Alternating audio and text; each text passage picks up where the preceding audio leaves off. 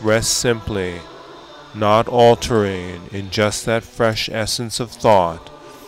Please bless us to practice that's free from conception. the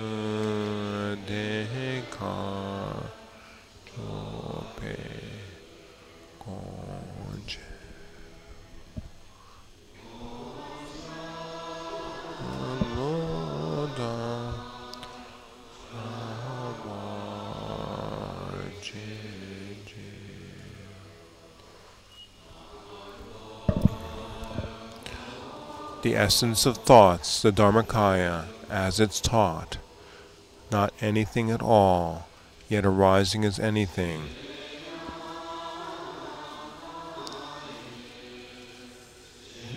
Viewing everything as unceasing play, bless us to realize samsara and nirvana inseparable.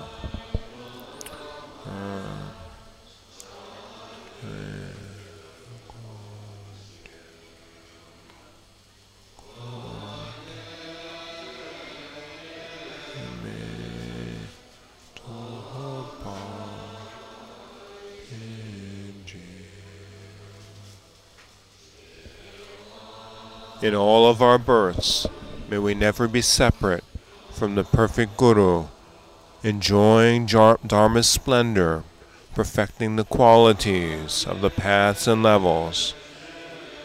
May we quickly reach the state of Vajradhara.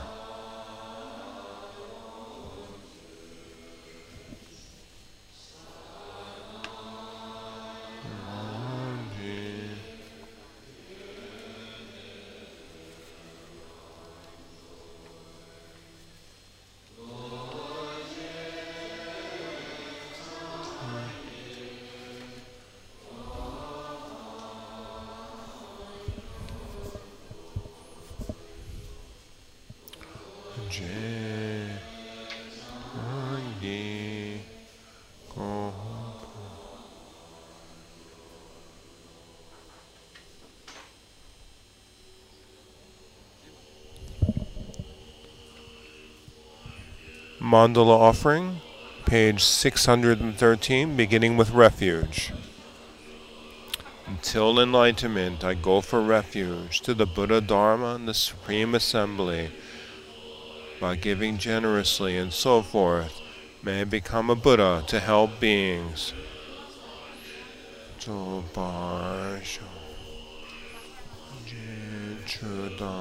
Soji Chonamla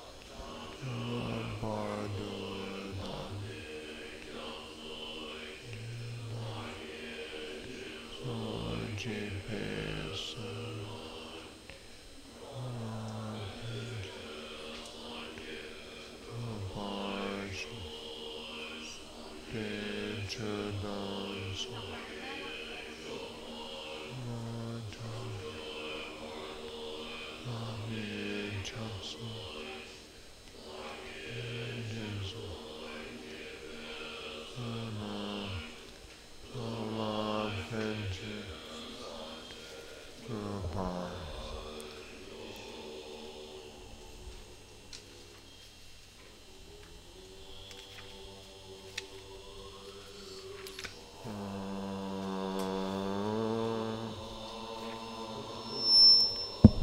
do the short mandal offering in seven features, page 619. This earth perfumed with scented water, strewn with flowers, graced with Mount Meru, the four lands, the sun and the moon, I visualize as a Buddha realm and offer so that all beings enjoy that perfectly pure realm.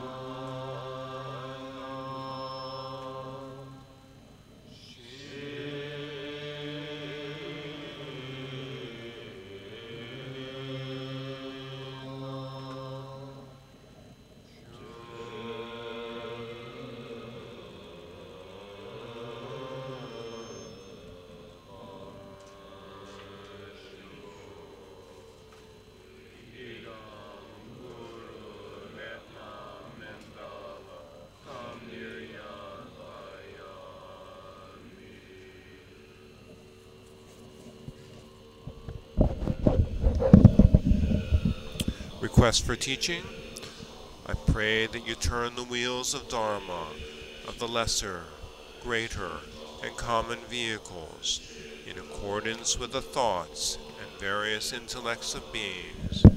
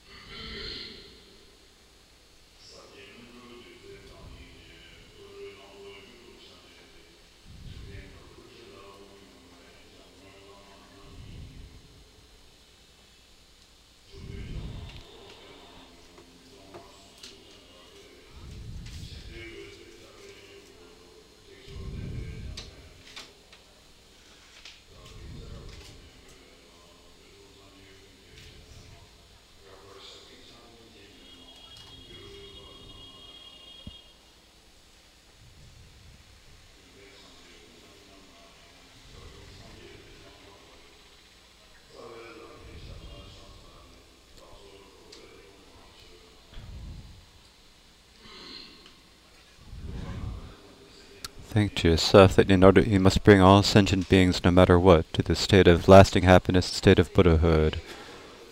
For that reason, you're listening to the profound and vast uh, Dharma of the Mahayana properly, and that you will practice it, uh, and that you practice it well. In this way, please listen with this motivation of bodhicitta. The Dharma that we're listening to is here. Is the Ganges Jas Mahamudra, which is taught by the Mahasiddha uh, Tilopa to Naropa on the banks of the Ganges River. This is taught in Vajra verses that point out the nature of Mahamudra. Mahamudra, this is what we are discussing at this point. In the Indian language, Mahamudra Upadesha. In the English, the pith instruction is called the Ganges Mahamudra. I prostrate to the glorious Vajradakini. Intelligent Naropa who endures hardship, respects the Guru, and bears suffering, you are her fortune to take this to heart. So I'm going to go review thing. I've got the student.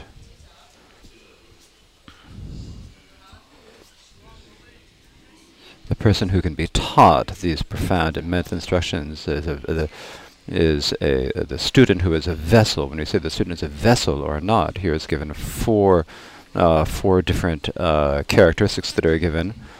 Uh, a, a characteristics of the appropriate students, one who is able to endure hardship. So the first characteristic is being able to endure hardship. The second is respect to the Guru. So the second characteristic is devotion.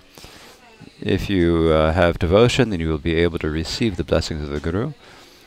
And if you do not have uh, uh, de- uh, devotion, even if, no matter how much time you spend with the guru, whether you spend 24 hours a day with the guru, you will not be able to receive the blessings in of, this, of the guru in your body, speech, and mind, and there will be no opportunity for you to re- realize Mahamudra. And and so, for that reason, you do not have what you need in order to uh, enter the path.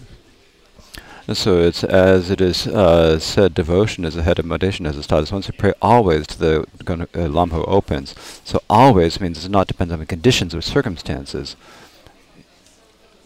And so until you achieve Buddha, uh, Buddhahood, or until your practice becomes stable, and that and you uh, just as the guru has manifested the result of, of the practice, I shall also practice the uh, the practice uh, practice the path until manifesting the result of Mahamudra.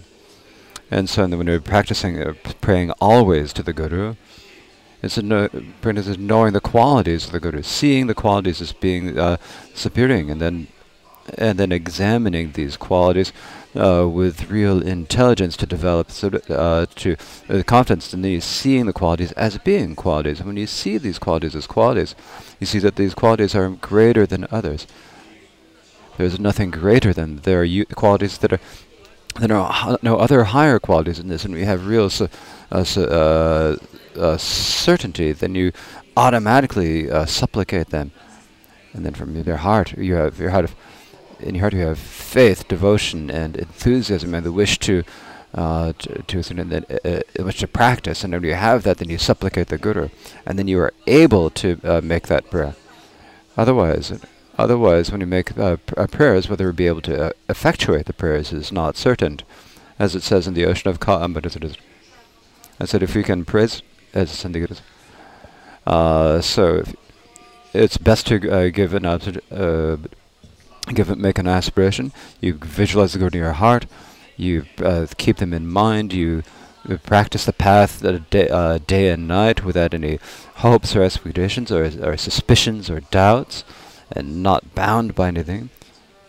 Seeing the guru as actually a Buddha, and receiving the guru from them, there is nothing. There is nothing, and th- that is no- nothing that the uh, uh, this is the teachings of all the Buddhas of the streams are not greater this, and so having this, uh, and so having this certainty, we need to pray uh, in this fashion. And when we pray in this, whether the prayer is effectuated or not, if we are not able to, if we do not, uh, that's definitely would be effective or not. So if we don't know the qualities, we it's difficult to develop the qualities of the Guru in our beings if we don't have that. The reason is that the the kagyu is a transmission of devotion, and devotion is seeing the seeing the seeing the guru's qualities, hearing them, hearing them, keeping them in mind, and practicing them. And then when you see uh, see the uh, practice them, then you develop um, a stable devotion in the uh, in the guru. And then you're able to uh, to supplicate, because whether you can actually pray or not depends upon whether you uh, have devotion. If you have devotion, there's no doubt whether or not the, whether your prayers will be effective or not. So the second of these four qualities is devotion, and the third is being able to bear suffering. You need to be able to bear suffering when you endure hardship for the sake of the Dharma. you'll have uh, um, many undesirable things such as hunger, thirst, and so forth uh, that will that'll hap- uh, that'll occur to you. There will be many various different sufferings that occur to you, and you need to bear with these sufferings. You need to be able to bear with them, and it's not just putting up with them, but but when you think, no matter for the sake of dharma, no matter how much you go, you should be able to see that that suffering, that pain, is is has a meaningful. Uh, if this un- unlike that, you don't see that the, the suffering of the hells, for example, no matter how much you bear with them, then that is meaningless. There's no point to it. There's no benefit to bearing with that suffering.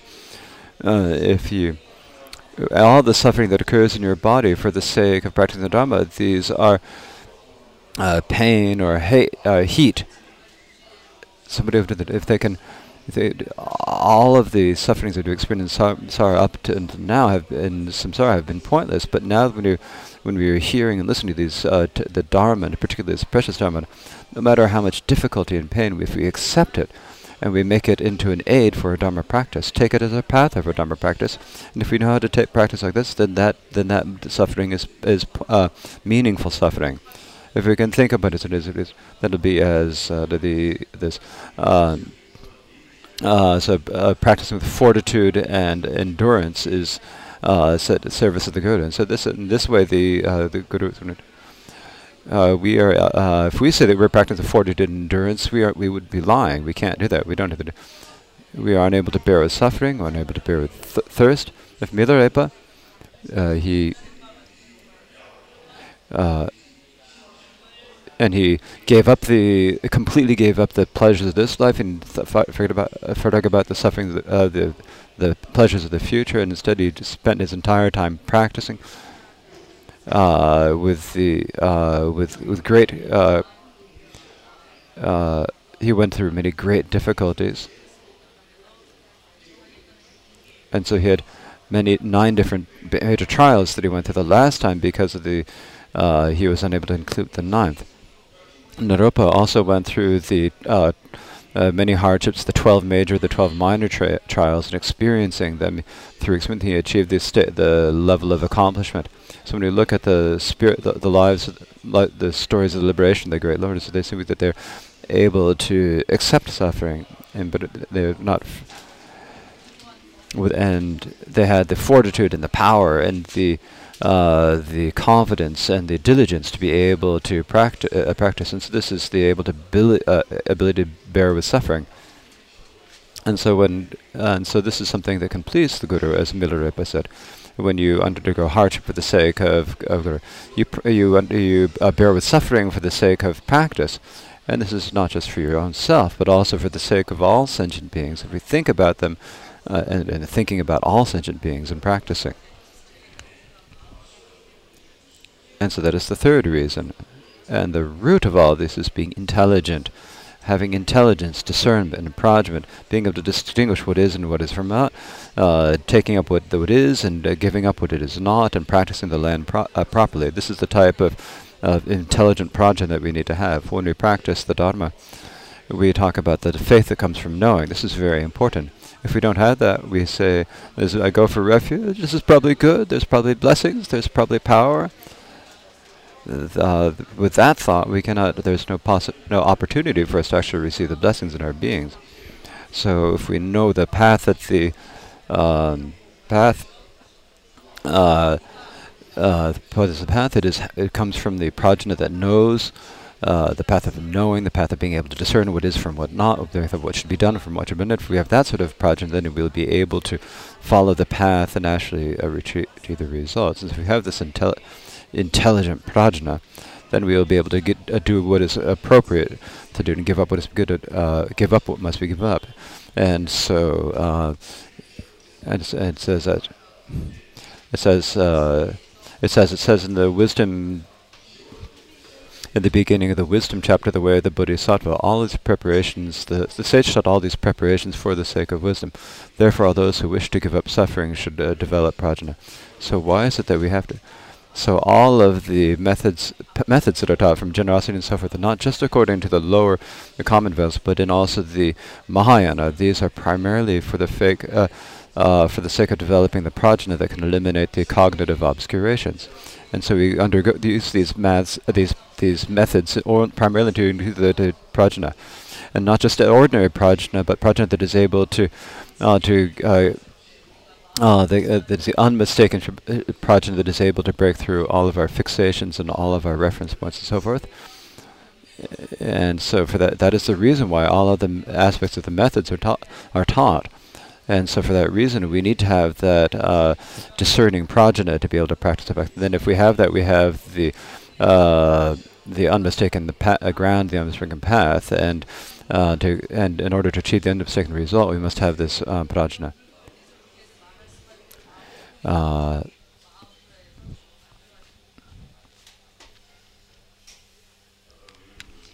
now we have the precious human body, and we have a somewhat of an opportunity to practice the Dharma. And if we don't think of it as a waste our, our lives in distraction, then that's a huge shame. And so for that reason, if we've gone forth into the Buddhist teachings, gone from from home to homelessness, and become uh, we have the opportunity to, pr- to practice, and if we are uh, distracted by diversions and are and pretend to do a few a few prostrations, uh, we might recite a few. Uh, uh, we might re- uh, recite, uh, be able to recite many texts, but if we do not have all these four characteristics of being able to understand hardship, the respecting the guru, bearing suffering, and having, then it's then if we lack these, then there's it's not certain that we will be able to uh, make this human life meditable.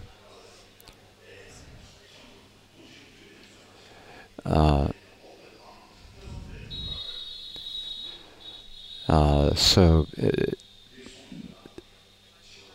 so it's a Sh- Shantideva. It's like when Shantideva has a very moving passage at the end of the ch- wisdom chapter. We and so this passage we've achieved the describing about how we have this opportunity to practice it, even if we've achieved this appointment. But even though we, while we have this precious human body, uh, in, here the distractions in- increase, and if we're only distracted by the distortions, then we are and our pride, hate, and devotion only distract us, and because the, all the, the distractions increase, then there's no way we can stop them. How can we block these? This is why we have this uh, uh, prajna, and we still uh, do not ha- have the, then these powerful. Uh, then we have been unable to uh, pure uh, to subdue all these uh, in our business. There are many wrong paths there there are many wrong paths, and the reason is because what we need to do is we need to destroy the thought, thought of cl- ego clinging. We need to destroy the sl- fabulous uh, solidification. We need to overcome our our steps, and if we don't, if we still don't overcome that, we still follow our that uh, follow that and we got follow the distractions, it's, if we always are, then we have ended up at the wrong paths. There are many wrong paths to enter. If we do not have it, if we don't know how to think, then if we don't know how to think, we enter the enter the we enter the dharma. We follow the path. We start practicing. And the aim of all this is for this reason. The purpose of it uh, is to is to deliver, overcome the wrong way of thinking, it, but because we're so habituated to the long path of works, but to the distractions that doing something, oh, oh but it's, then, then, and our dharma practice ends up increasing our ego clinging, and it, uh, and it, and it does not become an antidote that can, uh, do, uh, we look at the text, uh, we, we, we do the practice and we no matter how many practices we know about the, we make them into difficult. We think that they don't become something that we look outside and they not become someplace that become uh, can cut through our projections. Projections instead of looking inside and actually cutting through projections, they, we say we say I think I, I'm I'm a scholar. I think I'm learned. But the point for this is to be able, to, is we need to bring the, if we're going to be a scholar, then we need to bring it to actually eliminate our uh, ego clinging and so forth. But if we use it otherwise, and uh, then it becomes something that can increase our our our ego clinging.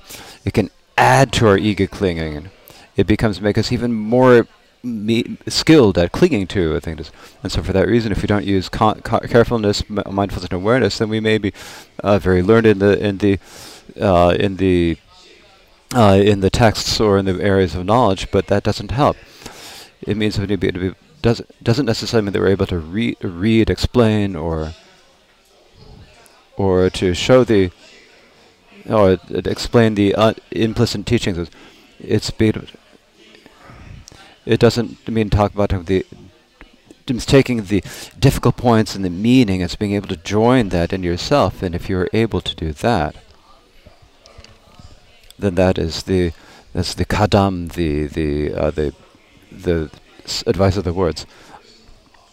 As we shouldn't leave just a single word in, in the in the text. It shouldn't be just remain the sound. It shouldn't just be uh, the design on the paper. It shouldn't just be in your mind. You should have to think of whatever it's connected, whatever whatever is described or explained. You need to directly and indirectly turn inside and uh, and use and make it into an antidote for your uh, for your afflictions. And if you do that, that is the ultimate learning, and that is the way we should be learned. As Je Tsongkhapa said, first we have. Uh, uh, so first we studied. Uh, first I studied a lot. Then I thought. I thought about things in. Uh, I, I contemplated it, brought it into myself, and meditated it. And so he supplicated to Manjushri, and he said, "I'm." And it's not just saying that that Manjushri is, uh, is kind, that the Guru is kind, kind, and so uh, so that when we say that it's kindness, it's that he re- realized it within his own mind, and he saw that he had developed the faith and the qualities of Manjushri, and because of that, he said, so the reason of this is he had done a, an incredible amount of study. Uh, it, it, everyone, and when he looked at it, and the main thing just was he didn't just leave it in the uh, in the letters. He didn't leave it in the in the texts. He took all the texts as advice, so taking the view as advice. Uh, is uh, getting his advice into his uh, view, meditation, and conduct. And he didn't leave them just in the books. He didn't leave them in the uh, general discussions or in the, in the, in the business. He didn't leave them as just writing.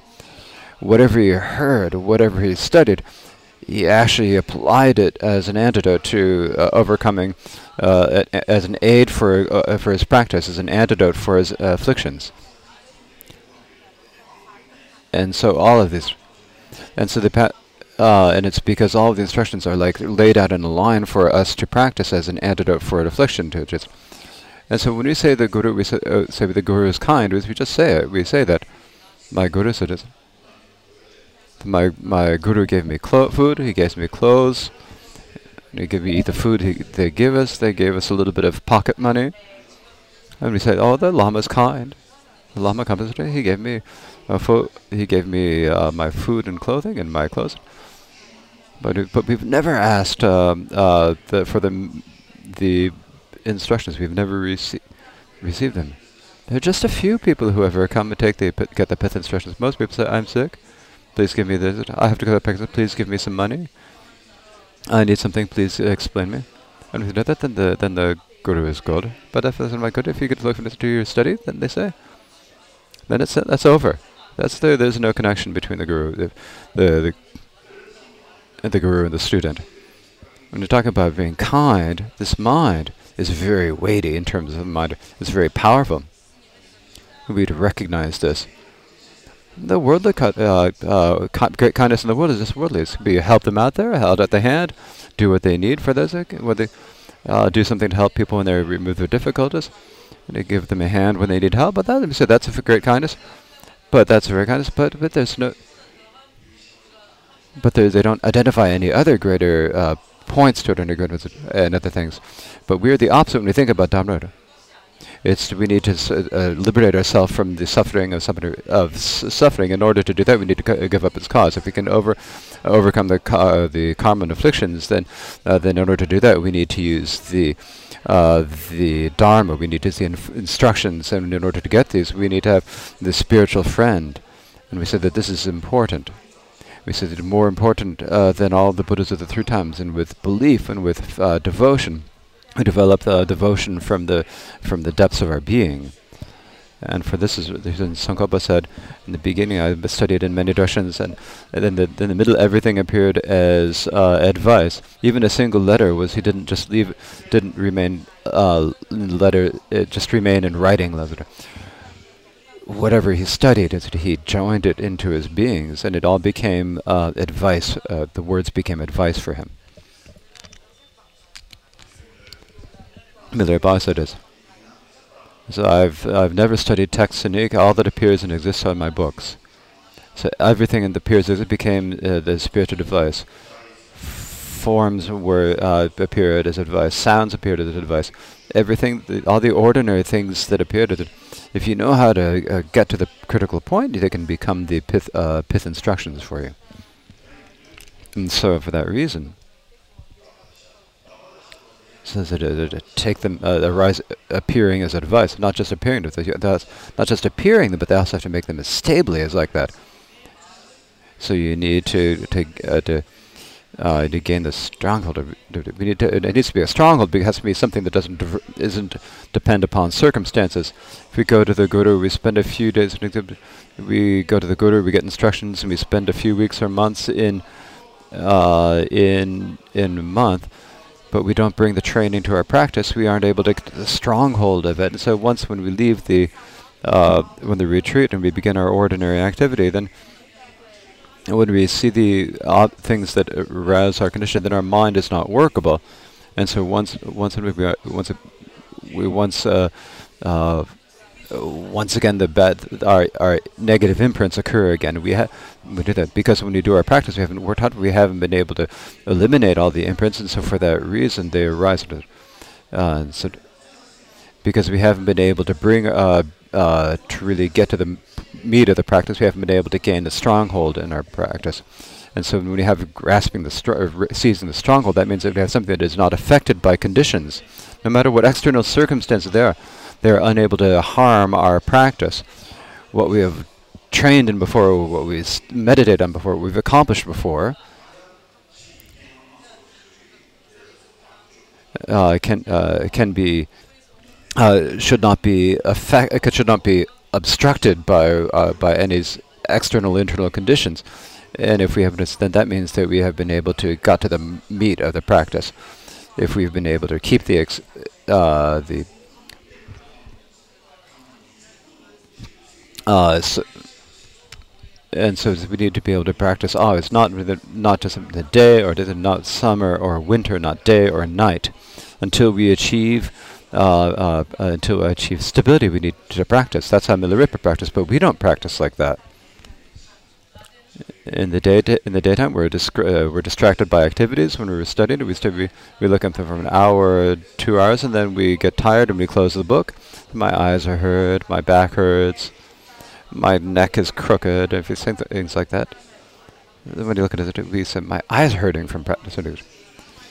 When we're watching movies, we can watch them over and over for hour after hour. And then we don't need to read, we don't need to drink any tea, we don't get hungry or thirsty.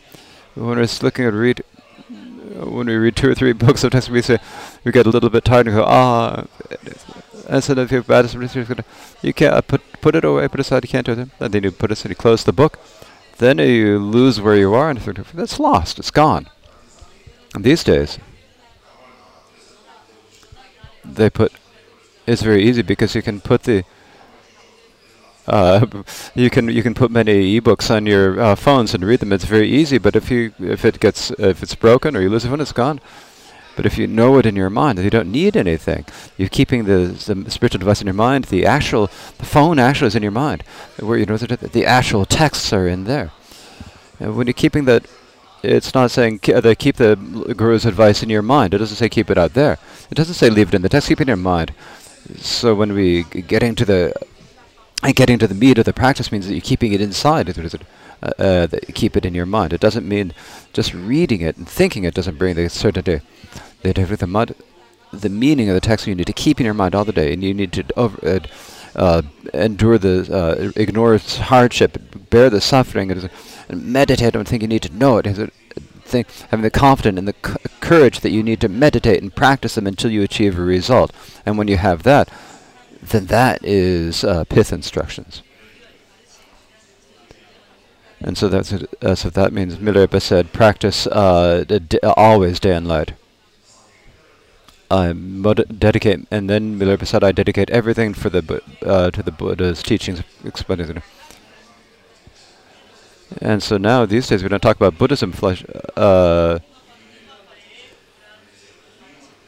uh, so uh, we we don't dedicate it for the Kagyu temples, uh, Kagyu teachings to to explain.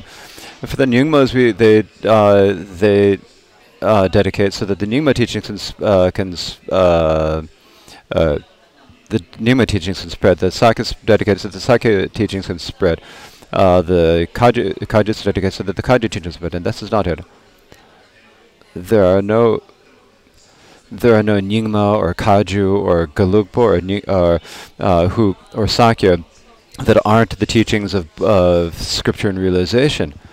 And this is all the cause and it is, the basis for all of this is the is the teachings of scripture and realization. If you lose, if you lose, then if the teachings, and if those uh, if those teachings of scripture and realization spread, then the spread, then there's no need to mention that the traditions, the teachings of every individual tradition will also change, will also spread.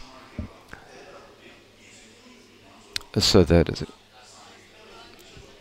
And so the end, at the beginning, the middle, end, you need to have the excellence of keeping the instructions in your mind, uh, learning the instru- instruction, keeping them in mind, and dedicating them for the teachings um, they uh, spread. And and so, uh, and so when we say this, from the from the beginning, we, stu- we study uh, widely. In the middle, we keep it in mind and we practice it, dedicate it to the teachings, uh, spreading for the sake of business. We said it's been taught for that. And so, and so for that, this is the, this uh, prayer from Tsong, Tsongkhapa. He's saying this is the reason why that he's uh, supplicating Manjushri. And when we think about it this way, it is difficult in these days. When we think about the, remembering the kindness of the gu- uh, Guru is difficult in these days. And for these days, it has to depend upon a, on a conditions. As if it's, uh, we what we think about as kindness is really slow. We think about just food. We think about food and clothing and that. Um, but we only think of that as kindness, but we don't uh, practice the pith instructions and develop the restraints and develop the, uh, show the signs of becoming uh, becoming learned or ach- achieving accomplishment.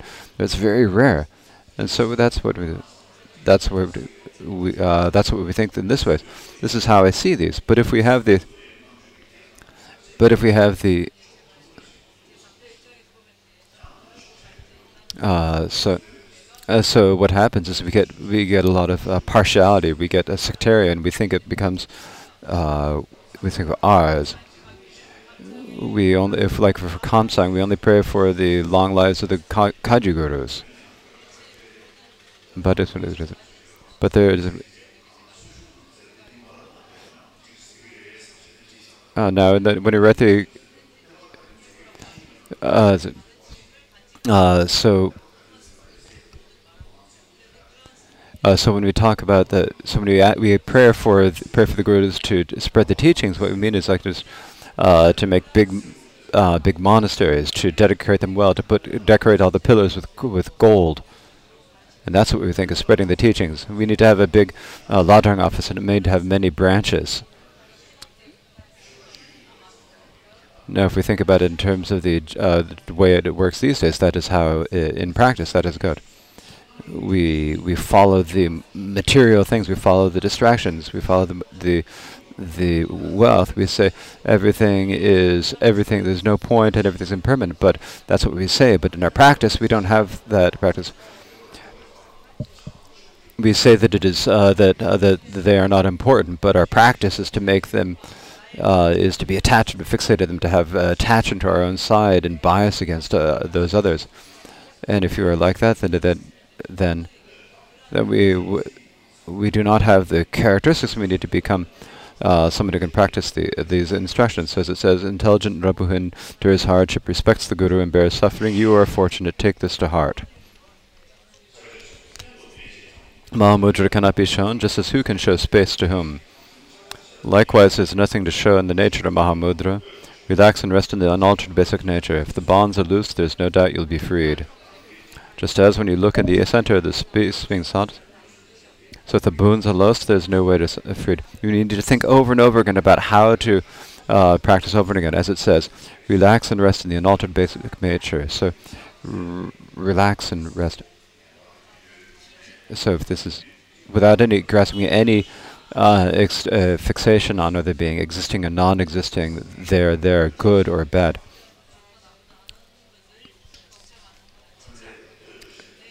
We should have if we do not overcome all of our fixations on samsara, nirvana, or good and bad and so forth, then we do not. So uh, we do not. So unaltered basic nature. So the basic here means not uh, unchained. It, it doesn't need to be. The good things don't make it better, the bad things don't make it worse, but just naturally the foundation, the fundamental. It's the nature, the basic nature. In some texts it says, it says the the nature that has no nature. As it says this in some Pith instructions. It does- says this in in Nagarjuna's commentary on Bodhicitta. In the nature that has no nature, and we say no nature. If you look at that, this uh, this basis that cannot be changed by good or bad is the nature that has no nature.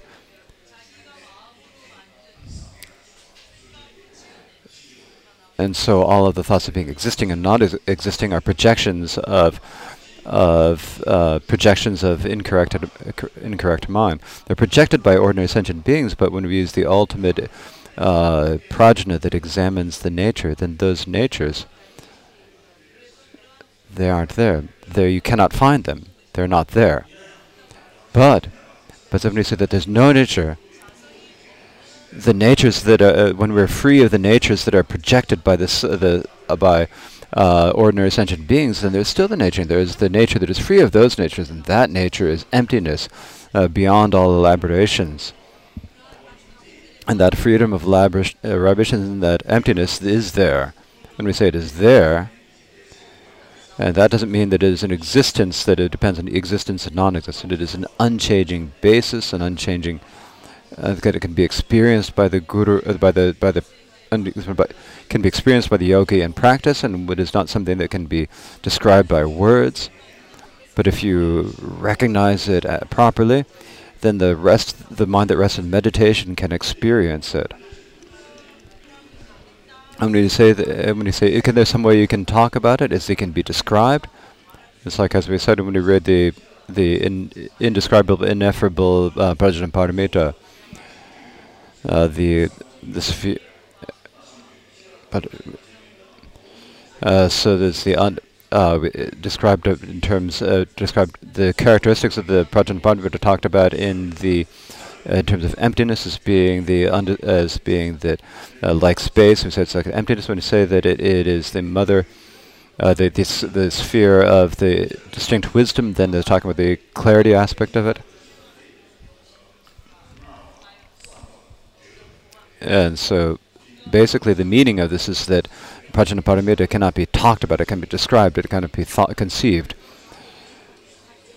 And so, when we talk about the much, and we the Samantabhadra is described in the in the uh, uh, great great perfection that that, permeates all of existence and uh, existence in peace uh, is is cannot be uh, considered conceived by thinking with conventional words. It cannot be described uh, with uh, described with conventional terms and words.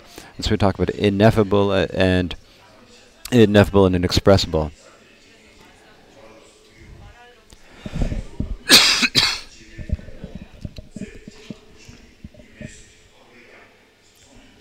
So, when we talk about in the sublime universe, it is extremely s- subtle. The ultimate nature is extremely uh, subtle. When we say it's subtle, it means like you have very thin, subtle, uh, very thin, with very subtle third. We're unable to see. It. We can't feel it. We can't. Similarly, the profound nature is being so extremely sorted with extremely, no matter how, with a very powerful uh, intelligence that has overcome, is can only be seen with this great uh, uh, great intelligence, uh, that has gone beyond dualism. But but if we are motivated by the imprints of dualism and so forth, there's no way we can find this if we, no matter how hard we look for it. So it's extremely subtle. And, and if we practice, it can only be realized through the uh, through the intelligence of, of yoga. Otherwise, it cannot be understood through a dualistic. Uh, uh, to it cannot be uh, it cannot be realized by dualism thought. So it is not the object of the worldly. Uh, because it is ultimate, it cannot be thought about. And so here we're talking about center of the ultimate uh, truth. In the as the uh, so the uh, the the the wisdom that arises in the uh, in the equipoise of noble beings is the uh, realizes the nat- ultimate nature. And so it's ultimate, it is un, unfailing, ultimately correct, it is true, it is undeceiving, it is authoritative. And it is and it is something that does not deceive you for the ultimate or for your own or others' aims. And for that reason it is the the ultimate. So whoever nadi and it cannot be so it is called the ultimate truth, the highest meaning. This is described in the uh, the in the Majjhima, the clear words of the Madhyamaka.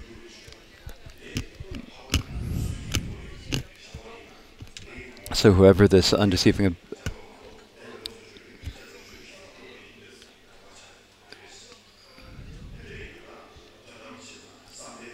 so because it is ultimate, it cannot be uh, conceived. So the worldly people conceive it conceive a thing. This is this is uh, uh, so as long as it, cannot be realized by uh, dualistic worldly thoughts, and as long as we have these uh, dualistic worldly thoughts, and we as long as we look at things with a worldly out uh, with a, with a dualistic outlook, we cannot see the ultimate truth. So it is therefore inconceivable, because it is profound, because the Dharma nature is extremely profound. It cannot be.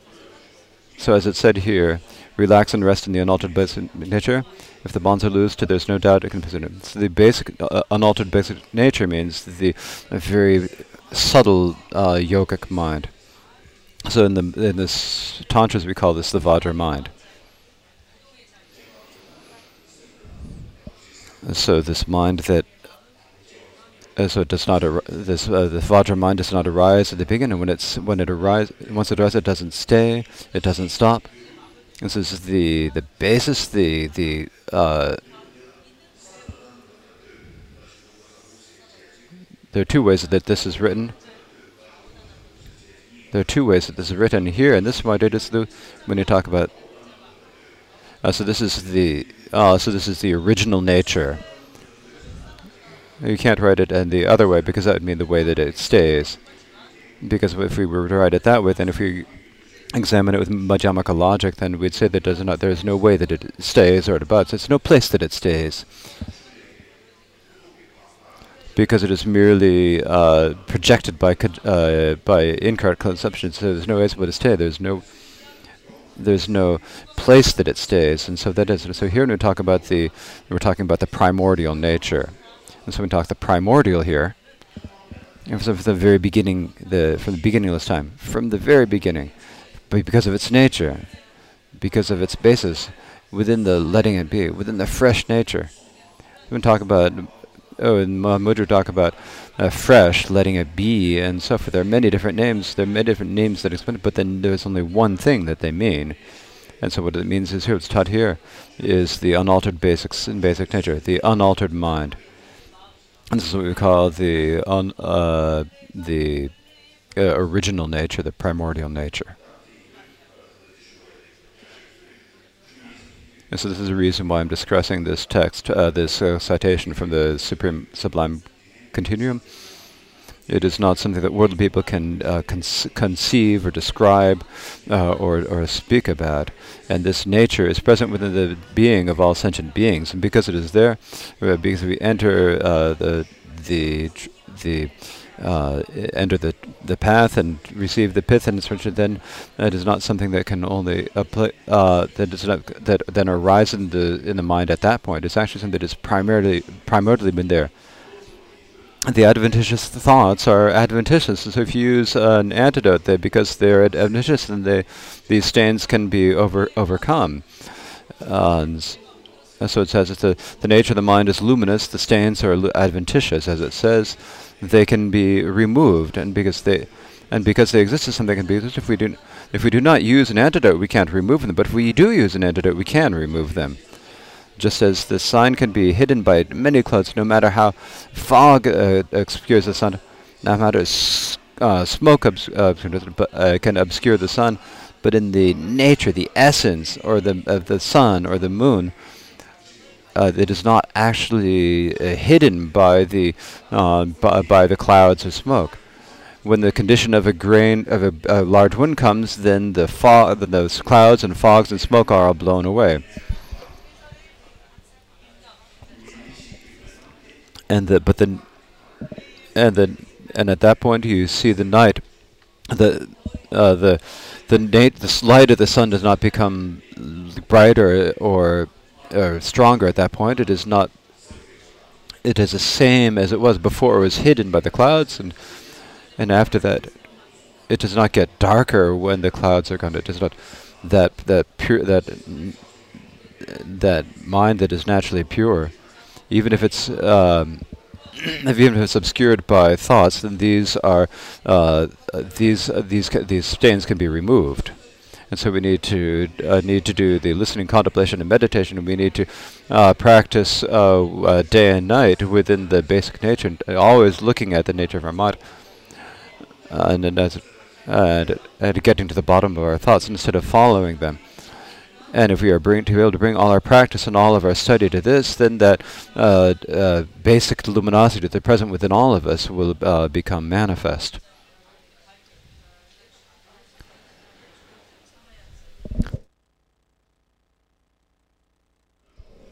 So it says, relax and rest in the, uh, also mentioned, if the bonds are loose, there's no doubt you'll be freed uh, uh, that's Thiessen when the extent of it is, achieved. Just as clouds of mist dissipate in the expansive sky, not going anywhere, not staying anywhere, so it is with the thoughts arising from mind. Seeing your own mind purifies the ways of thought.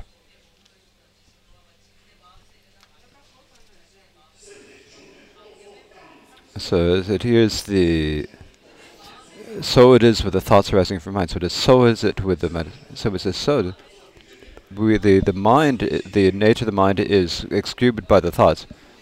We think that, oh, th this is what we think. The thoughts uh, obscure my practice. They make me unhappy. They obscure my, my they prevent my shamatha. They protect, prevent me from practicing instant. They prevent me from seeing the nature of the mind. And we're criticizing all the thoughts and talking, and we uh, talk about the problems of the thoughts, and we're unhappy with the thoughts, and we see them as bad And we think that they're incorrect and think that they're they're problems, and we think of them as like enemies, and we think we need to fight with them, and we need to do some sort of a path against them. We need to provide some antidote against them, and we think about there's no way we can get rid of the thoughts of it because the thoughts will just get stronger. If you look at the if you view the uh, thoughts as an enemy and apply the enemy, then they will not. Uh, then you will not uh, use them. They'll just become worse if you uh, if you frighten someone and said if you're going to uh, tell someone not to think, there's no way not to think, then, then there's no way that they're not going to have thoughts. The mind, if, if you put them put all the thoughts in a wooden in a in a uh, in a metal box and uh, lock it with two or three locks. And then you have 340 people surrounding saying you, you must not have any thoughts and then you can't stop the thoughts because of the things that you aren't allowed to have any thoughts. If you have any thoughts, we're going to shoot you, and we're going to kill you right now.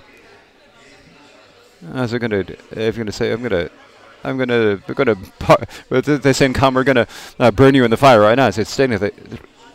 So staying, if everyone's got there with gauze, guns and swords, they're going to have more thoughts than because of because you're afraid, so they have even more thoughts, right? So you can't stop thoughts, right? So so the the movement of the mind cannot be put in just a stone box. The the, the movement of the mind is like the thoughts, and if you put it in a, in a metal box, not even any air can get there. That is a solid blocks, and you, have 500 people with spears guarding it. you can't still can't stop the thoughts. So that's what this mean meaning of this is. Uh, you can't put it. So what's the most profound way to deal with the thoughts? When you look at the thoughts, or when you you need to bring your practice to bear directly on the thoughts. The thoughts need to become. How do we can we make the thought the thoughts into an aid for our practice? How can we get to the bottom or to figure out what the nature of the thoughts is? And so that, and so this is. Uh, so when you talk about the, the, the self liberation or the self of, of thoughts, we need to do this with the. Uh, it needs to happen through the self liberation thought, like when a, like a, uh, like a snake untying it. It's the tied and not untying itself. You don't. The snake doesn't need someone else to untie it. It unties itself. If you know the points of the practice, then the thoughts are the what well up out of the Dharma nature. They are the aids to our meditation. And for this reason, the, the yogi will see the thoughts are a, uh, a great aid to our practice. Now, for worldly people and for bhikkhunis, this is for who haven't brought their meditation to the practice. There's no way that, uh, that, that, that this doesn't happen, and so we need to know the nature of thoughts, as it says, as it says in the commentary Bodhicitta, the nature that of is no no nature, the nature without a nature. So we need to look where do the, the first thoughts come from? Where do they stay? Where in the end, where do they uh, where do they perish? And when we examine that, we can't find a place that they arise. When we follow now, when we follow thought, uh, follow our death thoughts, when we think about thoughts, we think that there's a thought. But when we when we look at the nature of the thought, though, when you talk about it, there's no place that they arise, stay, or perish this is not something we just say in word. We need to develop certainty in this. In order to do that, we need to have the, uh, we need to have the, in, we have to have special intelligence, special praj- prajna. Uh, we need to examine it. Otherwise, we. We need to realize that they have no basis, and if we don't have that prajna, we can't see that they have uh, no basis, as it says in the way of the Bodhisattva. It said in the way the Bodhisattva. Uh, so it says, uh, Bodhicitta says, afflictions, uh, wretched afflictions cast out by the eye of uh, afflictions. Says wretched afflictions. So the wretched means afflictions means uh, the uh, the the uh, mind that has greed, hatred, uh, greed, hatred, and division. But if it, but if you look at it, it has no base. It has no root. And it is not it does not exist in actuality. It is just a mental projection. It is not actually that. It is not an actual. Uh, it cannot be actual dharma. If you look at it, they also are wretched. And so because it has no power, no strength. If you don't, if you don't analyze it, then if you follow them, if you uh, are careless, then, then they then they uh, gasp, and then they gain power. But if we use the uh, the prajna of practicing with the, listening, listening, to contemplative meditation, then we can to them. If we know them, if we look at them, and we act and let them properly, and if we see the ultimate uh, then uh, then we uh, then we look at the prajna, then we're able to see that they have no basis and no root, and then and uh, then there's nothing that can do this. They may appear really fearful and terrible, but if we know their nature, then then if we ex- uh, we ex- examine them properly, then we can see that they are really quite wretched. wretched. Uh, they're wretched, and so that is what called the wretched, wretched, wretched affliction. So what can eliminate that? What can can they be removed? Are we able to remove them? Is there is there potential to this uh, to remove them? And that's because because if we if we look at the nature of uh, afflictions, they don't have a nature. They do not. They don't really exist.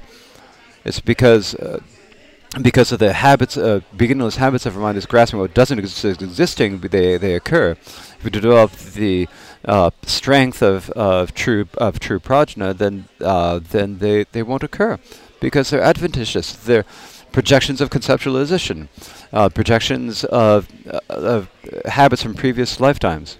And so for that, wretched afflictions cast up by the eye of prajna. So we have the eye of prajna means the means that they need to be eliminated with the with the extraordinary intelligence. Where are they driven from my mind? Where they do go?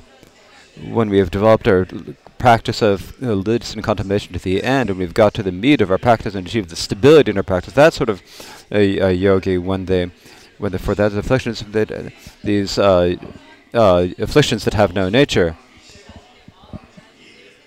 drives them out from the mind. Once they are removed from the mind, when they are overcome the afflictions, when they have been aff- aff- afflicted, afflict, uh, freed from them, then where they when where do they go? If we think about this, someone who doesn't, if we have enemies, like there are several people who don't like us, people who always think about uh, badly about me, then I'm not happy, and I'm because I'm not happy about that. So what I, I need to do something, so I know to kill them, or I need to expel them far away, right? In order to expel them, I need to have uh, like uh, warrior. Uh, I need to have uh, soldiers with, who are very strong, and I would use them, them but and remove all. And then need uh, expel all of the enemies who don't like me away from Bodh to the uh, out of the borders of, in, of And when you do that, even when you've cast them out, then then you're still not happy, because they'll get stronger and stronger. They'll at first you know 50 of them, but then they're they're 100, then they're 300. Then it's quite possible that the compass, the mind is not happy, right? So oh, they're going to come back. Who don't who knows? And they're going to come back and they're going to get revenge. And so the mindset, but the afflictions are not like that, because when the because when the intelligent prajna knows that they have no basis, and when they when they've been overcome, then they will not come back, and they have no place to go. And not only have they no place, they have no basis they can stand and so there's no way for them to be able to return. And for that said, wretched afflictions cast up by the eye of prajna, when they are driven from my mind, where do they go? Where do they stay so they can return to harmony? Where is it they can stay that they can come back and come to them? There's no opportunity for them to do that, because once you've known that they have no basis, uh, where do they stay so they can return to harmony? So when you expel them, we can expel them.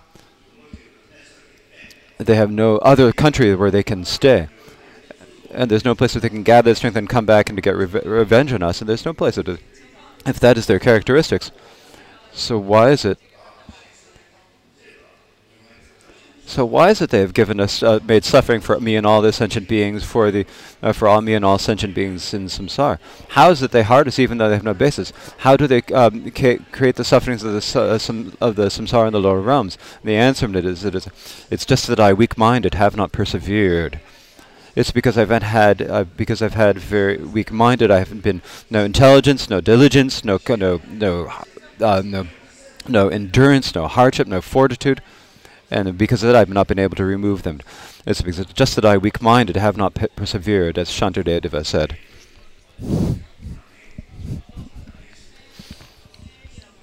so talk about the, the words of the great brothers, they talk about fortitude and and and diligence being very necessary in particular when you have the if we're and particularly we need to uh, if we if we do not know how to practice with any uh, uh, with the right skills and the right methods, then we will never be able to uh, exhaust all of our thoughts. And so we and so if we're going to face up to our thoughts, somebody uh, it's not easy to face. If it's an enemy, you can uh, if you, you can grab them and beat them up, and that's enough. but with but if you want to kill your thoughts, you can't do them. It's like in a drum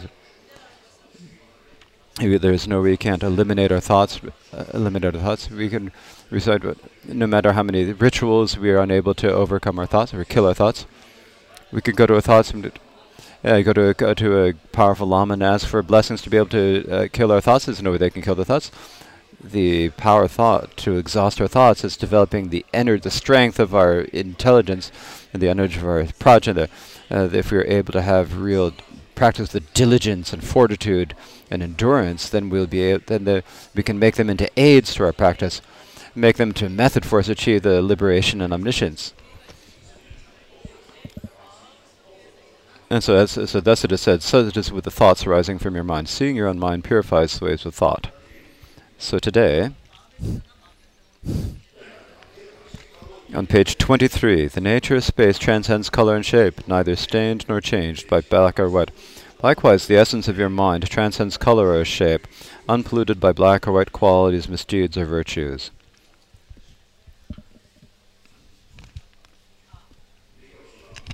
so at this point, the your internal mind, the external appearance, we talk about the appearance, uh, appearance and mind. It's the external appearance and the internal mind. So we're talking about the, the non-duality, the external and the internal.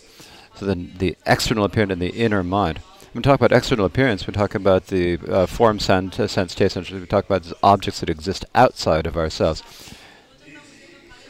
then the mind that perceive, that apprehends, this is form, this is sound, this is se uh, scent, it uh, identifies the characteristics and and uh, and types of all the different forms and so, and so forth. Uh, grabs at these, and so we think that they exist as they're in their for their own characters, and we think that the that the uh, that the uh, mind exists of its own c- uh, characters, and we think that there's a distance between them. We think there's a that there's a, a the big gap between them. At, and we think about the connection between appearance and uh, mind in this respect. In the Pithan tradition, the Pithan, uh, tradition of Pithan tradition, we say that they're non-dual, that they're not separate. The sep mind, uh, mind and appearances are not two. So they are free from the end of the experience. When we know this, we're free of the extreme of of existing of things and nothing. For uh, so if something needs to be either a, th- a thing or needs to be a th- or, or the nothing that is free of that. But the but the the non-dual nature of appearance and motivation is not sta- affected by or stained by the extremes of either thing or nothing. And so this is what it's saying. It's what it's talking about how it. For example, the nature of space transcends. And here when we say space all the time, this is because this is an analogy. This is the, the, the greatest, the best analogy. It, it transcends color, shape, characteristics, descriptive nature. We say this many times, right? It's like it's illusory. Uh, it's like a dream. This is an, an analogy, but the mind is a sort of a, a vaster and easier to recognize, and, and so for that reason, the primary example used in these exa examples is, is, is space. Milarepa also used space as an analogy frequently. The nature of space transcends color, transcends shape. When we say color, the white, black, and so forth, it transcends the characteristics of white and black and so forth.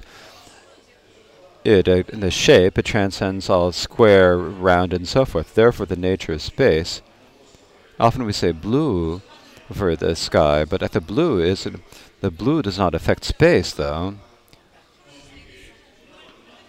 It just the base uh, appears in the image of blue, but it is not actually affected by the blue. So it's neither stained nor changed or black or white. Likewise, and like in this analogy, likewise the essence of your mind transcends color and shape. The essence of your mind transcends color and shape. The, your mind like the just as the sun is transcends color and shape and is not stained by black or white, the nature of your mind is not stained by color or shape. It transcends color and shape. Now here we're talking saying color and shape, but but it is not uh, stained by the uh, by the false samsara, affected by the the uh, benefits of nirvana. It's not thought by any the good or bad. There are many uh, the root of samsara is all of the the kernels of the afflictions. There are many ways that we can cling to them. There are many that we can hold to uh, hold on to them as uh, extremes. But the mind is not uh, is not affected by them. The mind is not uh, stained by anything at all, by any conceptualization or thought. So the nature of the mind is uh, luminous, not affected by, uh, not polluted by stains and so we so we call it the natural uh, natural liberation, or the natural nirvana, the ultimate truth of the natural Buddha is called this when you talk about mudra. When you talk about mahamudra, the, with the gya, the word gya, the chagya in Tibetan, the gya means the non-abiding nir- uh, nirvana. This is when it is uh, uh, because this uh, applies to everything in samsara nirvana. We call it the seal, the the mudra. So as it says, the essence of your mind transcends color and shape, unpolluted by black or white qualities, misdeeds, or virtues.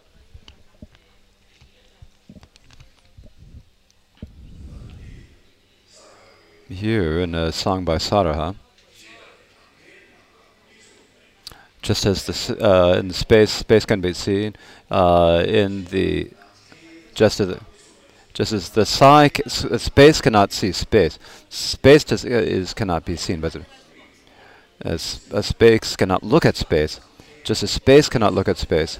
So this is in the instrumental case. So just as space cannot look at space, similarly the uh, the uh, emptiness cannot meditate on emptiness.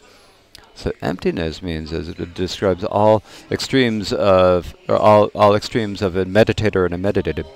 It's not that we think about the the characteristics of emptiness and meditative uh, of emptiness and meditative. It is not like that. There is nothing to meditate on, no meditator, nothing to realize, no realizer, and so because of that, there is no re- result to be realized, and there's no nothing that that achieves the result, and because we realize this, so there's no that what is uh, so what is achieved ultimately does not exist for that reason.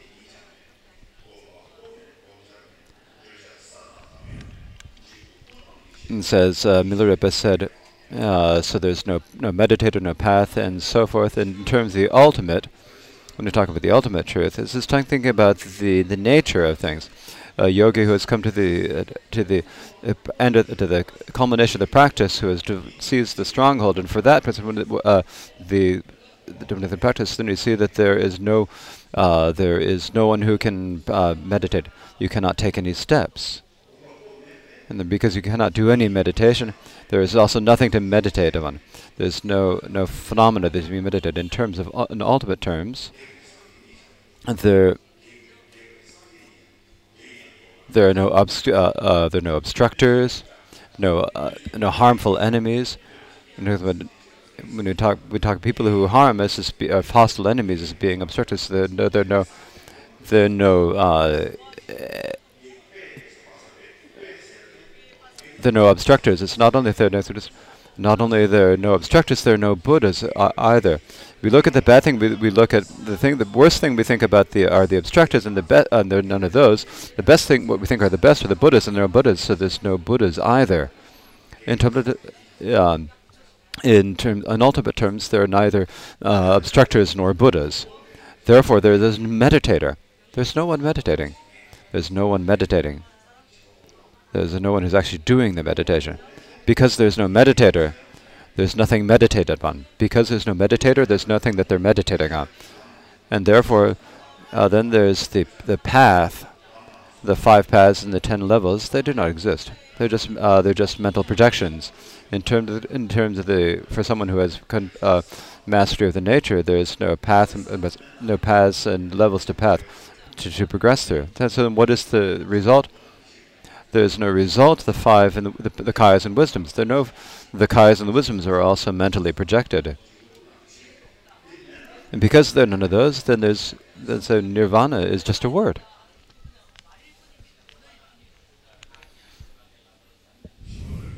In the where the bodhisattva uh, says that in suchness there is no difference between the what the nirvana and non-nirvana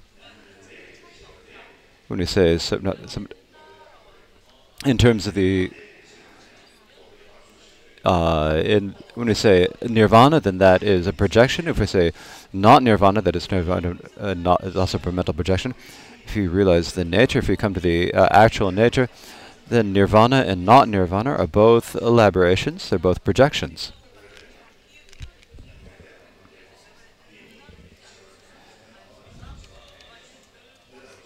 And so they, and so this is what Shantideva also said, and so this Milarepa also said that the the result, the kayas and wisdoms do not exist, and therefore there is uh, no nirvana either.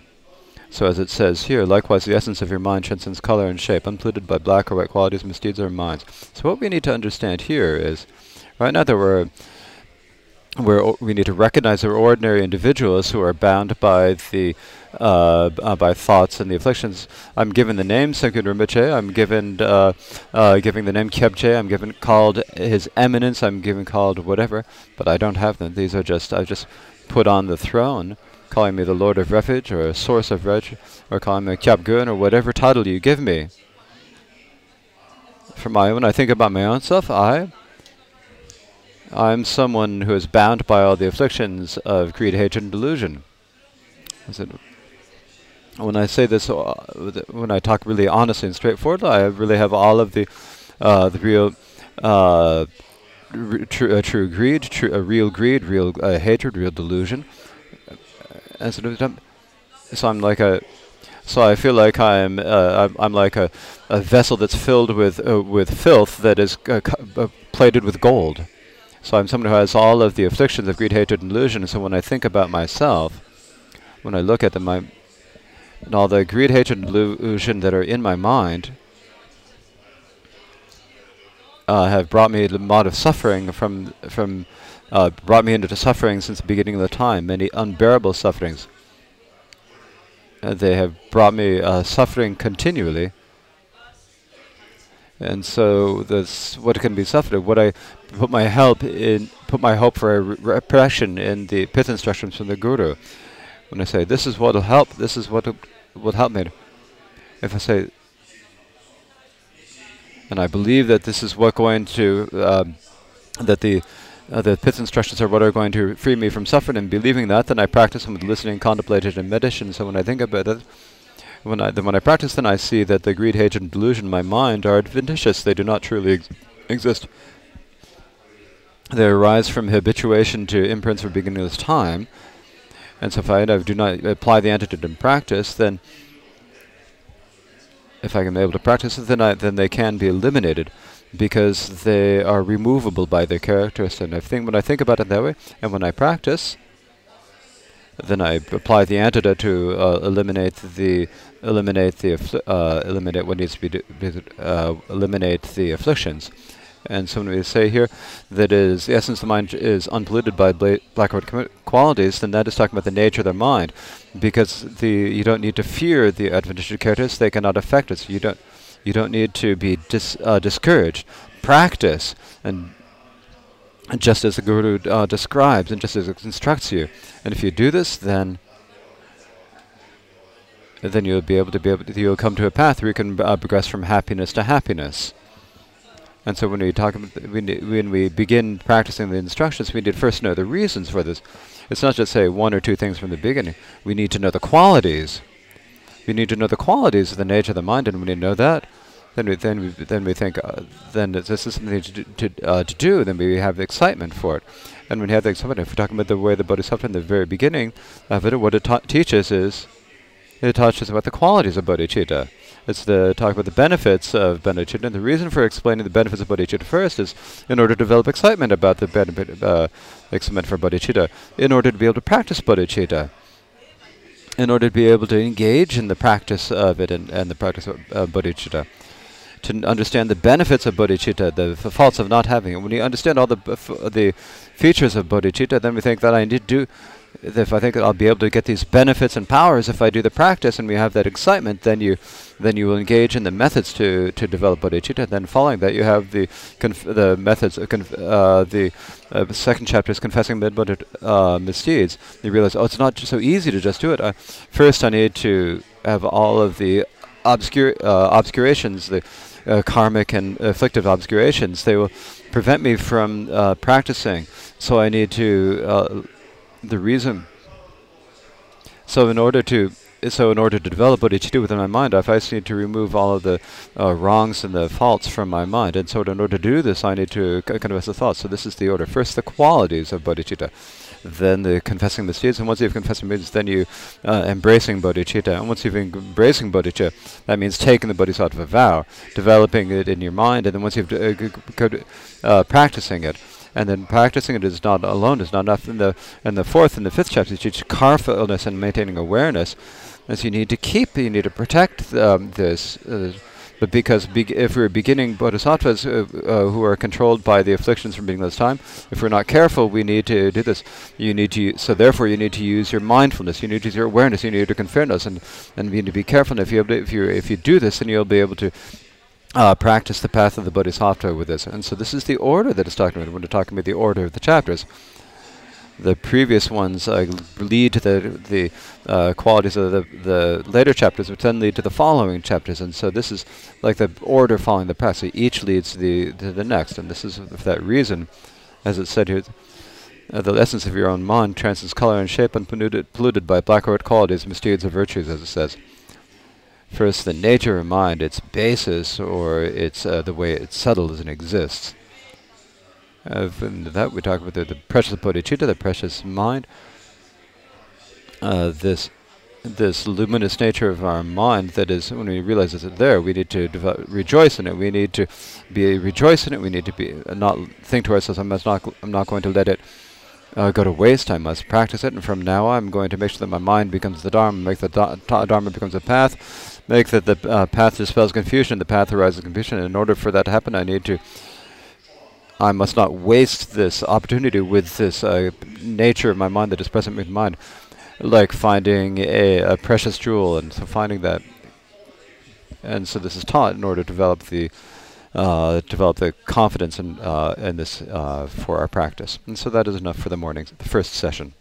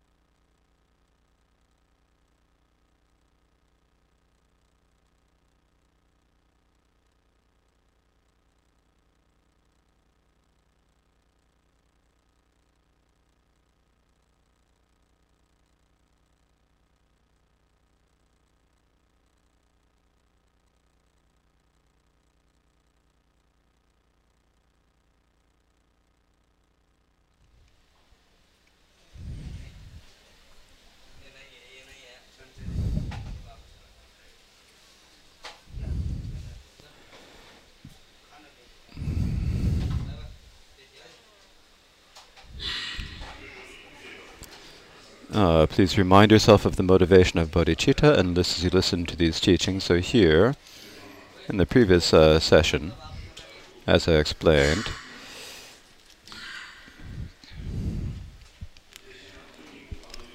Likewise, the essence of your mind transcends color and shape, unpolluted by black or white qualities, misdeeds, or virtues. The essence of your mind is not is has never been affected or polluted by any positive or negative uh, attributes.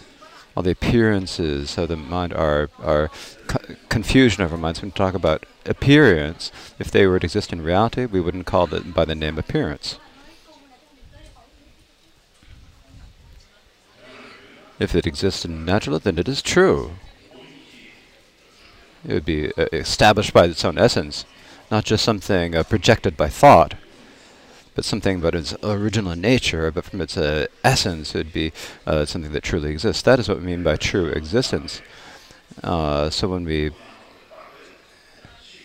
when we examine this with a true with a tr- with the right intelligence, when we experience of what is is, when we as things as they are, what we examine, what we, what we find through our real investigation is that it is, it is the nature that is not established by its own, its own essence, that is beyond all elaboration, unobservable, uh, not non-abiding, no root. When you say it was it the root root and without and uh, non-abiding, the reason why it is non-abiding, why it has the reason why is it has no root. When you think about this, and we look at this with the mind uh, that's resting in equipoise, it's because all of these arise because of the imprints of dualism and the and the power of ignorance. That is why those arise, and because of that, we say they exist. They don't exist. They actually exist. They don't exist. These thoughts are just merely projected by mental conceptualization. If they we hope that there would be something there that exists as we project it. We believe that it's there. And just as like as in a dream, if you have a good dream, you feel to get you feel to become a king, you become uh, become a monarch, beca- you get wealth, you get rich. You have the good dreams. If you have bad dreams, uh, when we have uh, harm from uh, carnivorous beasts, uh, natural disasters, and if you have bad, uh, if you have such thoughts about these, and then there are neutral dreams, as imagine going to uh, traveling through various countries, or and every uh, doing various things, and these are all sort of neutral. These are neutral dreams, and so these good, bad, or neutral dreams, no matter what they are, until we awake, while we were confused in that dream, all the appearances that are good and bad is appear uh, in the dream. They do not actually exist, but because we follow that convention, because because it's the solidification of that uh, confusion, then we experience suffering in the dream. As long as we have good uh, uh, dreams, as while we are having the dream, at that during that point, we, we, may have these uh, pleasant and good feelings during the dreams. Similarly, because of the uh, because of the th- uh, i- the, the degenerate imprints within our beings, opinions, these, are, these all appear to them. Uh, because we are overcome because uh, by the power of our erroneous imprints, we are confused and we mistake them. But when we look at them with the, when we investigate them with the uh, uh, the uh, with the true with the true right intelligence and prajna, then we can see that they do not exist as we see they do, and we recognize they have no basis. So then we are then we are uh, freed from the uh, freed from suffering, freed from the reference, and freed from the dualism. Uh, so. Uh, so as Milarepa said, was so that because of the practice of the so the is a citation from Milarepa. So when as Milarepa says it is that when before before I met my uh, uh, uh, lama, I was pray, uh, was, uh, confused. So before Milarepa met Marpa, before that point, before he met it, he was he had been fooled by the and the reason why he had been confused before that, and the reason for that is because he was in the nest of ignorance. Because from the beginning he had the the the uh, in, he was in the nest of uh, instinctual interest, and within the blackness of that, and because he was surrounded with that, it was like he was it was like um, ant that is uh, stuck in a in a vase. It is it circles without being able to do it. Sometimes it gets to the top of the vase. Sometimes come to the middle of it. Sometimes it gets to to the to the base of the vase. But in the top, bottom, and, and the leg, it, uh, at the bottom of the vase, it goes, goes around the vase from up in the bottom. And sometimes we uh, similarly we sometimes cycle through the upper realms. Sometimes we cycle through the lower realms without and we cycle without any uh, without any control. And because of this, because we're within that uh, nest of ignorance, because that we have no power, and because of no uh, no power, and because that we we gave the hope in of our gods to help, and we did and we have the but because we have the hope for these gods, we also have the fear of demons and harmful spirits. And so we hold the, the, the gods and demons who benefit or harm as being true.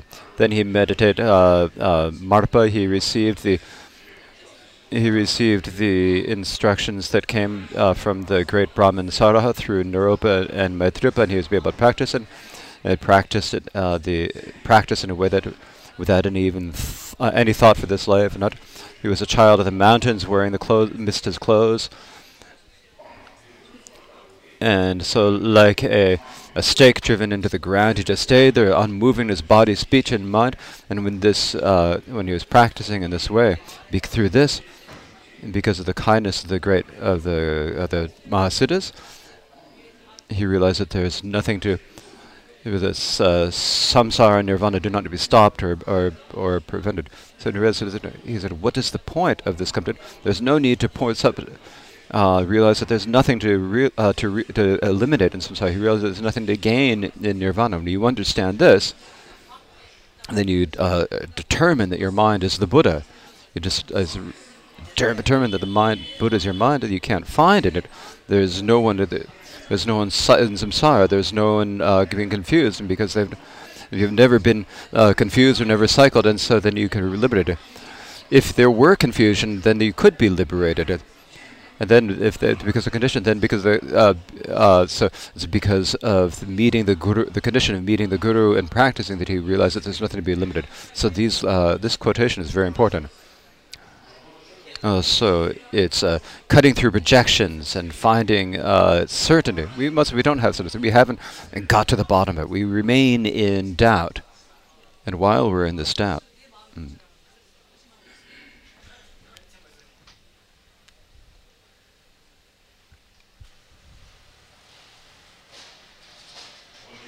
Well, so so that that is, and so this is the point, and that it comes down to. So if we talk about the view that is taught here, or the meditation taught here, or the conduct taught here, and the view, meditation, and conduct, whatever it, it need to become uh, an aid to our practice, inseparable from practice, from the passive uh, to the uh, foundation vehicle to the the highest tantras of Kalachakra. We go through the uh, through the we need to achieve the uh, the the uh, result through the view, meditation, and conduct.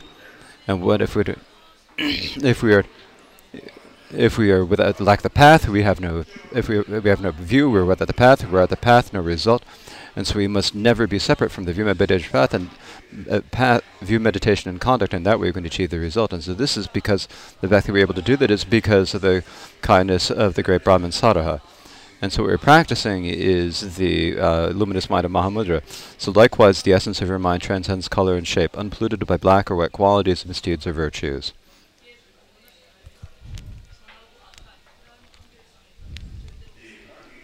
So here, at this point, is the inseparability of mind and appearance. Appearance. Uh, Marpa Tat as Milarepa said. Uh, Milarepa said, my guru taught me that, uh, pointed out that all uh, appearances are mind, that the mind is empty, and that the mind is spontaneously present.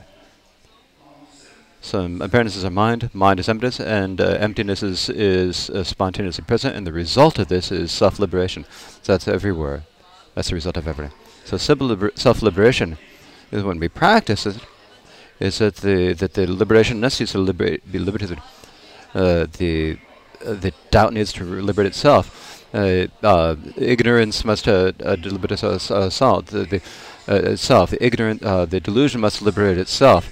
When we talk about self-liberation, when we talk about its basis, is it within its base, when you know the basis, then it's like there's not some, uh, it's not eliminated uh, by some other antidote to go to somewhere else. And when we look at it th with the, the aware wisdom, then when we look at the essence, then it's just naturally liberated. So naturally liberated, naturally dispelled, then that's it. By recognizing the nature, then it's self, self-limit luminous when we realize that delusion has no basis, then we don't need an antidote. It's just naturally liberated, naturally dispelled. And so this is a, special feature of meditation. Of it's the power of meditation and the energy of that. If we can get to the power of that, then the result of listening and contemplation is that. The reason uh, for eliminating uh, projections through views is to be able to realize uh, that our that our view and meditation may be uh, may be uh, may be unified. If they are separated, then there's no point. And if we, if we view, if, if if we meditate on what our actual view is, then whatever we see is better. Uh, then it's liberation. Uh, what we're viewing is our is our mind. the, the projections are just our mind. There's no other projection anywhere other than our mind. So we need to know that all the good and bad are the mind. All the uh, pleasant and unpleasant are the mind. Samsara and some nirvana are the mind. So when all the minds are come to oneness, and then and, and the natural li liberation comes from within, and so we have the, the getting to the bottom of our mind, or uh, viewing our own mind. As Sada said, for the view I look at the mind, so I look at the mind. I don't look at something outside. If I look at it, if, because I, there's nothing, there's not some uh, separate meditation, and everything is included within that. And so, since that is uh, the way it is, appearances. When you talk about the word appear, when talking about appearances and mind, the, the nature that is inseparable appearance and emptiness is, is not affected by things it is not by uh, it is not affected by the attributes of nothing or thing or nothing. It is whatever it is. It is uh, the uh, inseparability of mind and appearance. Mind and appearance, and um, um, uh, inseparable mind and appearance, inseparable emptiness and appearance is the same. So this unpolluted by uh, black or white qualities, misdeeds, or virtues.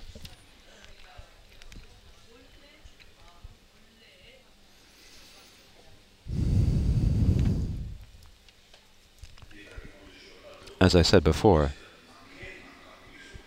just as the space cannot look at space, likewise the uh, the space cannot meditate on emptiness. Just as there's no space cannot look at us, we can't separate subject and object and then see the uh, the nature. So just as emptiness cannot see emptiness, just as space cannot look at space, just as space cannot observe space, just as the emptiness cannot meditate upon emptiness. It cannot meditate. There's nothing to meditate on. There's no meditator, there's nothing to meditate on. The uh, similarly, there's uh, emptiness cannot meditate on emptiness. And so the mind here, the, the non-dual message, the, the subject and object are inseparable. When non-dual, it's not that they're uh, first thing. It's not that uh, it's a, it's not that there are two that become one. It means that since the very beginning there were two. There's just a non-dual. So it's like that. It's like uh, so it's like a water and, and milk mix uh, mixing together as analogous. Uh, so the non-dual mind like milk and water. And so uh, so the various so the multiple uh, the multiple the things that are same the in the appearance, they're good and bad, and so uh, samsara and appearance, they may all appear, but if you know their nature, the, if we can realize the root, they're one in taste. Therefore, they're non-dual, non-inseparable. And realize that they're a non-dual mul multiple multiplicity. And so when we have that, we realize it's a continuous exp- ex- uh, experience of great bliss. That will that is what comes from that. Because you have no fixation. If you have no fixation, then you can get great ex- uh, great bliss. If you have uh, uh, fixation, if you have the, the fixation on things existing as true, then it is uh, impossible for the, the for the great bliss to appear. Uh, as it says in the Mahamudra, uh, the um, uh, as it says in the aspiration of Mahamudra, unceasing bliss without attachment, and this means the uh, unceasing great bliss means without attachment a, a, a dualistic attachment if we have that uh, attachment, a diluted attachment, a dualistic attachment,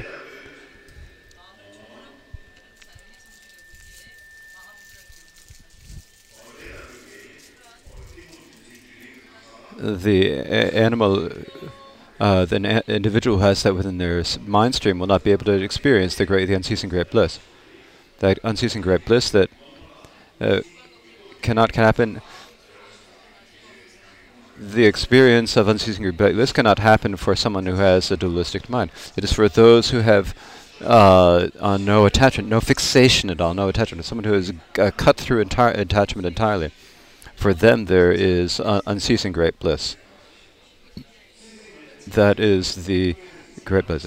So Shempa, uh, the without attachment, without the without the attachment of predication, and so when and so for that in without any of that, uh, without that internal attachment to truth, then the experiences are, but so the unveiled clear light free from conception. Uh, and so that is, so it's not even the small, small, everything is, uh, all the going and coming, the rising and ending, they all ad- they happen with, they all occur within uh, luminosity, and so in the and so they become the uh, the energy of the of the luminosity. So the unveiled clear light, free from conception. When we have the uh, the wisdom of non-thought, will not arise uh, within the dualistic th- uh, thought. And so, what does it come uh, come down to? It comes down to the mind that the mind that grasps at things existing, the grasp at things uh, as being true. And so, when it, so this uh, is the mind that has no such attachment. So it is what mind that elim- uh, uh, means that it needs to transcend the mind, and so it is beyond mind, beyond that, uh, beyond conception. That means that we have to exhaust our conceptions, so forth. And so, and so, and then spontaneously present present freedom from thought beyond conduct, beyond the intellect. And so, if you resonate, resonate without any effort, and within that, then it naturally arises. And what it arises, and what arises, is not something because it becomes clear, and this does not depend on conditions, just continue. And so, isn't it? And so it says it arises without com- or coming or going, so it does not depend upon any conditions. It. Uh, uh, so as it says here, the unveiled clear light, free from conception. And so these are all qualities of the mind, and these qualities of the mind, in order to see them, we need to meditate, and through meditation, we the the, the qualities of the mind be, uh, become manifest. Otherwise, they do not become manifest. Through, in order to, i- the method to see the qualities of mind as they are, we need to follow the stages of the practice. As in Kamalashila's, the stages of meditation. These are I'm talking about the stages of them. These are the stages, a path to uh, uh, engage the nature of the mind. When we talk of meditation, and so on, that it, meditation is to the basis is habituation, becoming familiar. The beginning, we have been familiarized or habituated to ignorance and uh, and fixation, and we need to uh, break that habit, and then we need to bring it, to change it, and uh, direct it back towards the nature as it is, and then become familiar with the true nature as it is. That is what we call meditation. So we need to meditate or become familiar. Uh, so that's our is our in, inherent qualities. Greed, hatred, and delusion are not inherent qualities. They're uh, adventitious stains. They are things. They are. Uh, uh, removable. They are not the nature. If something is removable, it is not the the nature of it. They are they they they're the from the energy and from the display of the nature of the mind. But when we focus them, then we are samsara. But if we know the nature, if we look at the way they arise, uh, remain, and cease, then we see that they are just the energy or the display of the nature of the mind. And so, in order to transcend them, we need to look at the nature of mind, the nature of, of hatred, the nature of delusion, the the the basis or the root that is within the, the nature of these thoughts of greed, hatred, or delusion. We need to look at the emptiness that is there. The we need to look at the way they exist, uh, the uh, the the nature that never arises or ceases, the luminosity of the nature. Then when we need to we need to meditate and familiarize with ourselves with that, and then gradually the mistaken thoughts will naturally uh, uh, uh, uh, subside and the inherent qualities will gradually increase, uh, increase. And then when we complete that uh, that me- meditation, then we achieve the result, and that's what we call achieving the result. There's no other result to achieve, and so what I'm speaking about here is what we call the nature of the mind. As we're speaking about the nature of the mind, as described here. Likewise, the essence of your mind uh, transcends uh, color, space, uh, color and shape, unpolluted by black or white qualities, misdeeds, or virtues.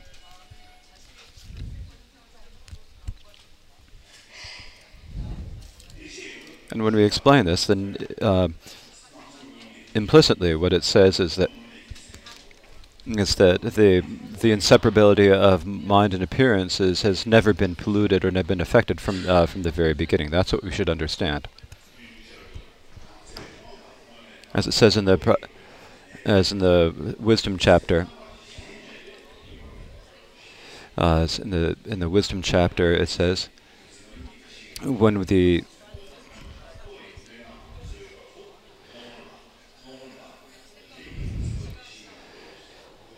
Uh, so then when neither thing nor nothing remains before the mind. So when a thing or, th- or nothing, when they're not standing by those, they're never there, when they don't remain before. It's not like first is thing and nothing and they're not there and there's some antidote, and if there's some other antidote to try to remove them, that that's not the true path. And wha- how do we do that? It's when we're within, the, resting within the nature of the mind, then the nature of the mind, the, then the nature of the mind has not been uh,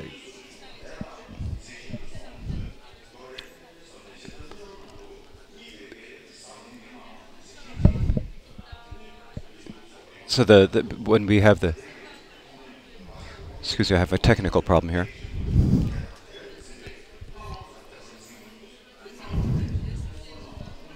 So we have the appearances of things happening of, of things as a thing or nothing, but there's no actual. See, there's actually no method, and we realize that it's not within it because.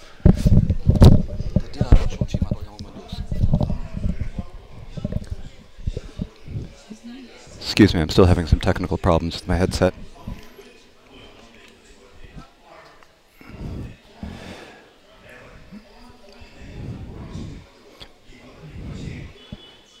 So when we realize that things and nothing from the very beginning do not truly exist, and that they, they never, when they do not remain before the mind, when the, the entire way that we perceive things uh, has been destroyed, then uh, then there's no other way that they can be. There's no third, then because there is no other way, and because without a, p- a focus, utter peace.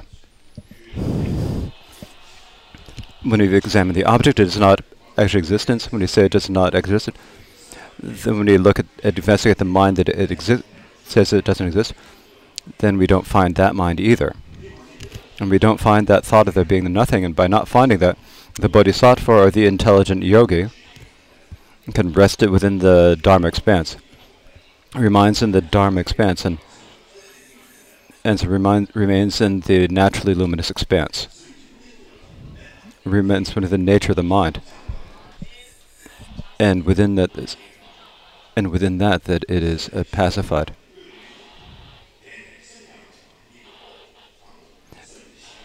Because there's nothing other than mind.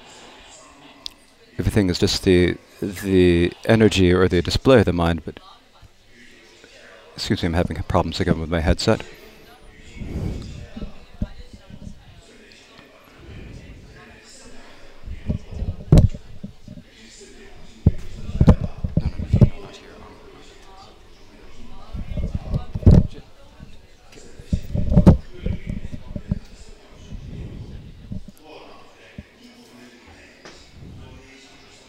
So the so the intelligent bodhisattvas when they examine the object, they realize that the object it is not, it does not exist by its own. It is just an elaboration of mind. When it exists in the mind, then it is because they realize it does not come or go. They realize it does not exist as a thing or as a nothing, and you realize that.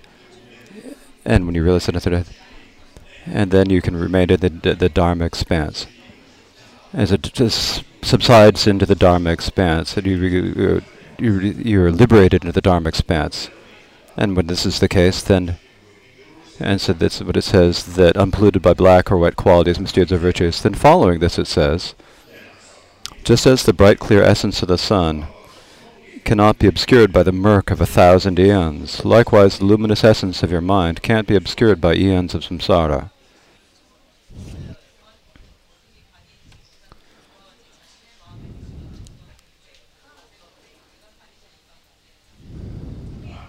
So,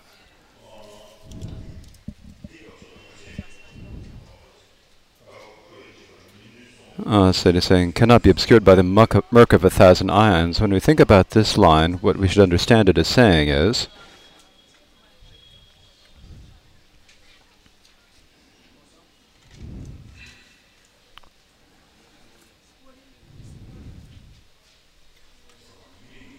It says the bright nuclear essence of the sun cannot be obscured by the mark of a thousand of, of ions. So that, so that that subject, that that perceiving subject, that exerminated and so, that, as described in the ornament of the sutras, that that mind that remains within the Dharma expanse, that's that mind. You have to have that sort of that cognition there, that wisdom, that mission, that, that cognition that is uh, spoken about is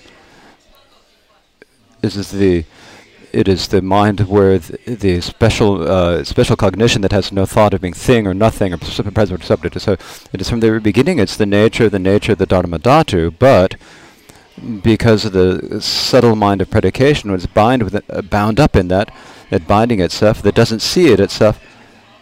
And when you practice, practice, uh, so then it comes to, uh, and so then because when freed with that, it comes into the uh, to the in, in internal dharma nature, the natural luminosity that has never been, uh, that is never uh, affected by any of the, by the nature. It's very clear, very difficult, very subtle, very difficult to see. It is not an object of words or thought.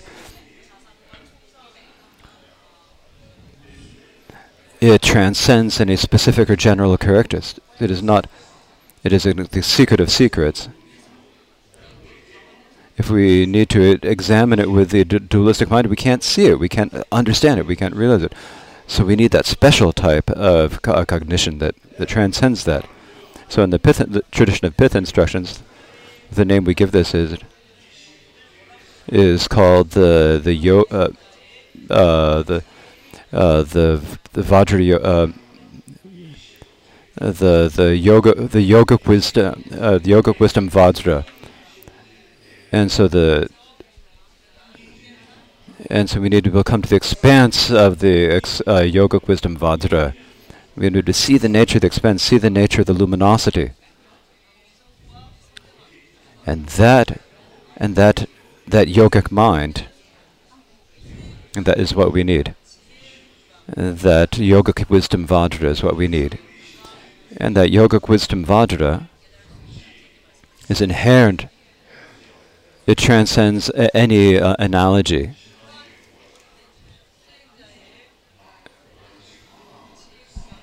And so it is a secret. Uh, it is a secret of secrets. It. Uh,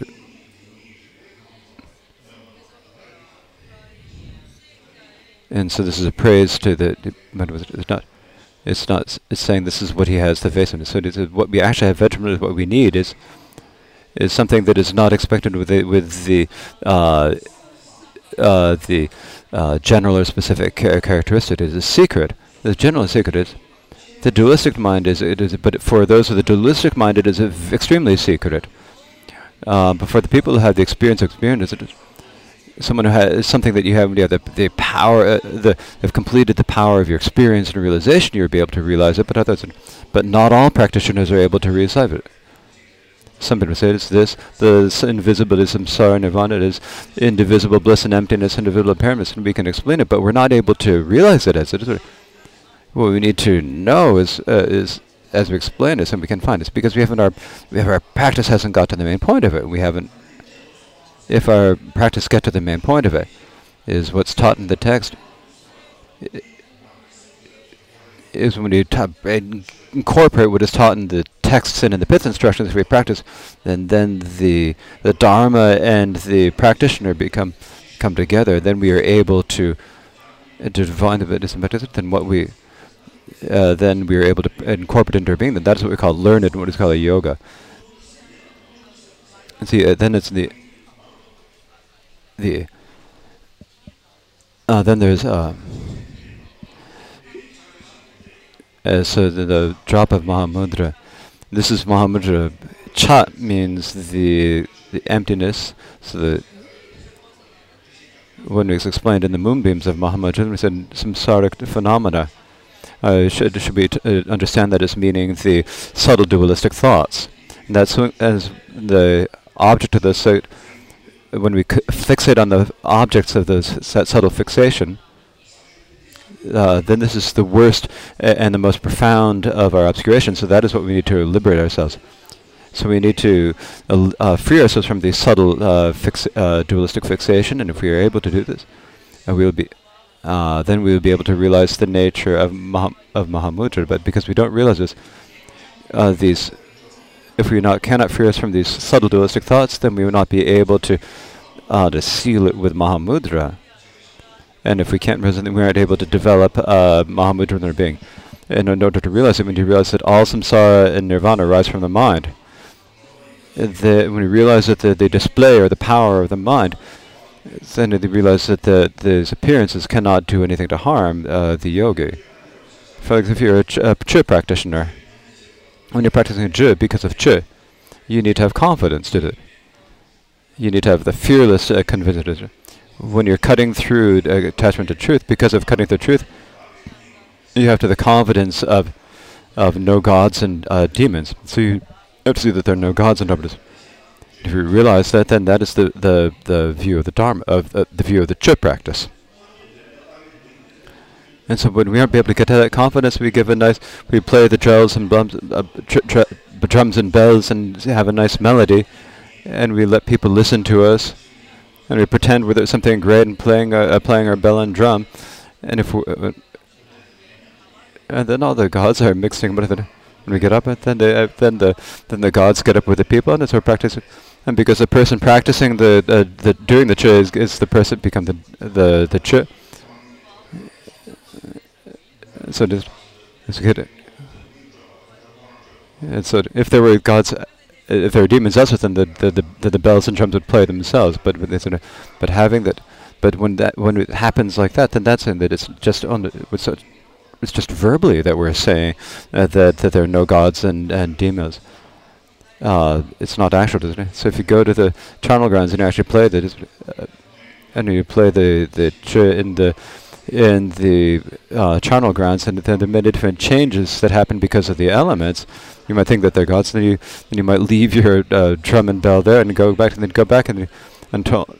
And then in the morning, get up and say, "Where are you going?" They say, "I'm going to get my uh, bell and drum from the from the charnel ground." So it's like that. That's what happens.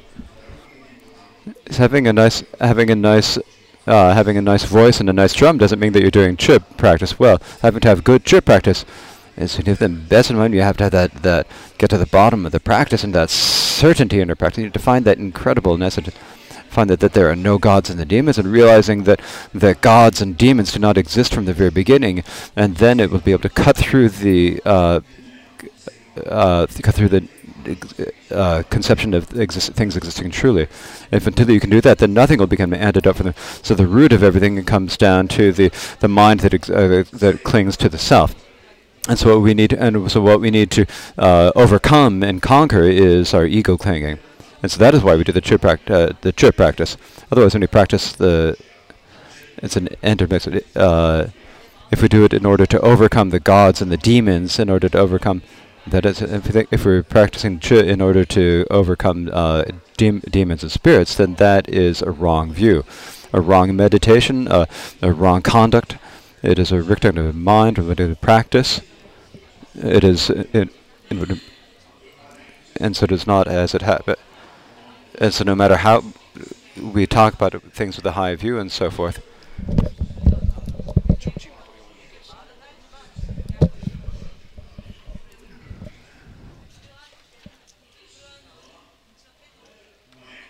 Excuse me, I'm having some technical problems at the moment.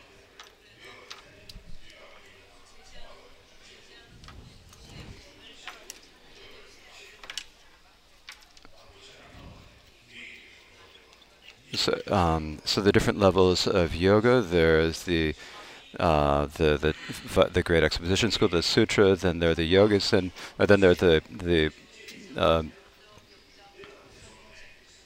excuse me, I'm still having some technical problems. As we go through all the stages of practice and eventually get to the um, th to the uh, highest stages of of tantra, so we need to follow the practice in order to be uh, practice in sequence in order to practice then we uh, is the way that we practice our uh, go through our practice without being diluted. So when it says that can, uh, just as a uh, bright, uh, clear essence of the sun, this talks about the the primordial purity of the mind. This uh, primordially pure mind. In, in this primordially pure, and no matter how much is obscured by the uh, by the adventitious greed, hatred, and delusion, it is uh, only temporarily uh, obscured by this. No matter how much it's the but the nature the nature of the mind is not affected by them in any way. So this way it teaches the mind is primordially uh, primordially pure, just as the bright clear essence of the sun cannot be obscured by the murk of a thousand eons. For example, a, it's a, a darkness that is a has uh, gathered for many thousands of eons, this the sun uh, cannot that cannot prevent obscure the clarity of the sun. And so therefore it says, just as likewise the luminous essence of your mind cannot be obscured by uh, eons of samsara.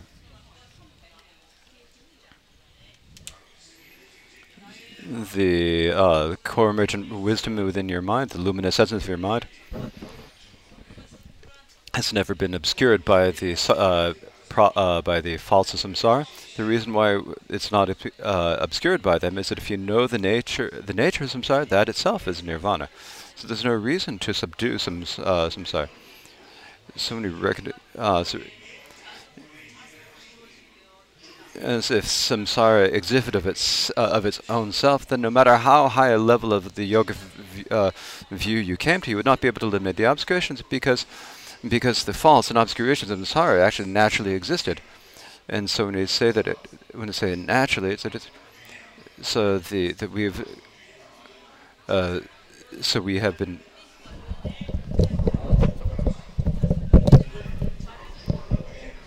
uh, uh, so the reason why there's So it, as long as we're governed by conditions, we have no power.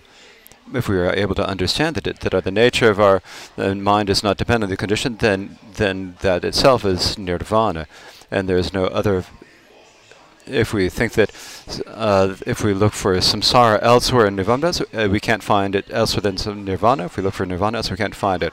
It is all because conceptualism. Conception is a nature that it is uh, the nature of the conceptualization is uh, the nature is the nature of mind, and so does not. So the nature of the mind is not does not ex exist of its own. The way that it is obscured is by because of not knowing. Because of that is it obscured. When we get to the uh, power of uh,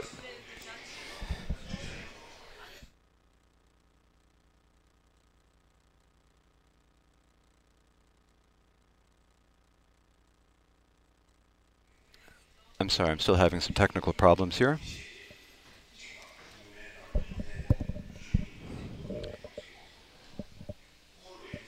So the nature of samsara, whatever it is, is the nature of samsara, the suchness of samsara, the way that samsara, the way that exists, the basis of samsara, the, the basis or the nature, the ground of When we see that with the yoga mind, we see that that nature of samsara itself is nirvana.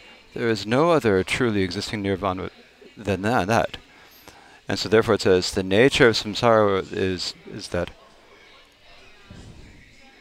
now when we are uh, when we are bound by our conceptions and we mistake the our self appearance as object and we, and we mistake self awareness as a self and we look for a thing that's some separate outside faraway object and that's uh, and that is thinking of it and if we know that then if we realize that its own appearance then it is liberated. But normally we don't realize that the uh, we, we just uh, something we uh, so we we grasp something mature. We think of them as being en- uh, friends or enemies and so forth. But what we hold is the not if we when we think it as some uh, a truly existing thing that we uh, truly existing object, then we uh, have the, then we are confused. There's only the self-awareness, but we don't recognize. It's only self-awareness, but not recognizing it as self-awareness. We mistake it for a self we mistake the the self-awareness as a self, and because of co- and because of that, because then we're not able to gain uh, gain s- foothold in uh, in uh, ordinary mind. We follow the thoughts, we follow the external explanation, the uh, the external conditions of objects, and that we have um, we have been we have been mistaken about the nature of the mind as as, uh, as uh, Gampopa said, because we've not been able to gain gain a foothold in the ordinary mind, that we've been mistaken, and so that is, and so the nature of and so the nature of the of the nature of thought of conceptualization is the nature of thought, the nature of the nature of thoughts, the nature of conception, the nature that is, uh, is itself is wisdom. There's no other Western, and there's no other found that can because of the various thoughts that we have and the, the various thought conceptualizations that we have, when you rest within it, if we look at the nature, and that we follow, and we don't follow those thoughts, then the nature of that thought, that characteristic, and we look at the nature of them, and within those thoughts, then, then we cannot hear the uh, that the, the wisdom ar- arises without ever coming and going, and within that, uh, you see that there's no other uh, anything else than that. So therefore, thoughts don't need to be given up our thoughts are very constant. The reason why they're uh, the, we don't know the reason why they're so good. Uh, there's nothing about about actual thoughts. In fact, they become uh, demons for us. And and because of these thoughts of great greed, hatred, and delusion, we have many uh, terrifying results that come with so. But if we know the nature of them, then that is what it is. If you know the nature of of uh, of samsara, it is self-limited. If you know the nature of nirvana, it's self-limited. If you know the suchness, if you realize that the nature of the mind, if there is in mind that basically it's can it, you find the nature of, of samsara nirvana and everything you find it within your own mind. There's nothing else than that.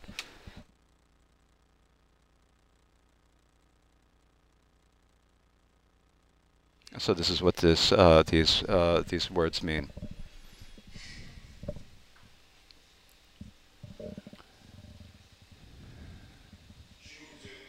As it says and Longchen says, uh, in praise of uh, a treasury of Dharmadhatu.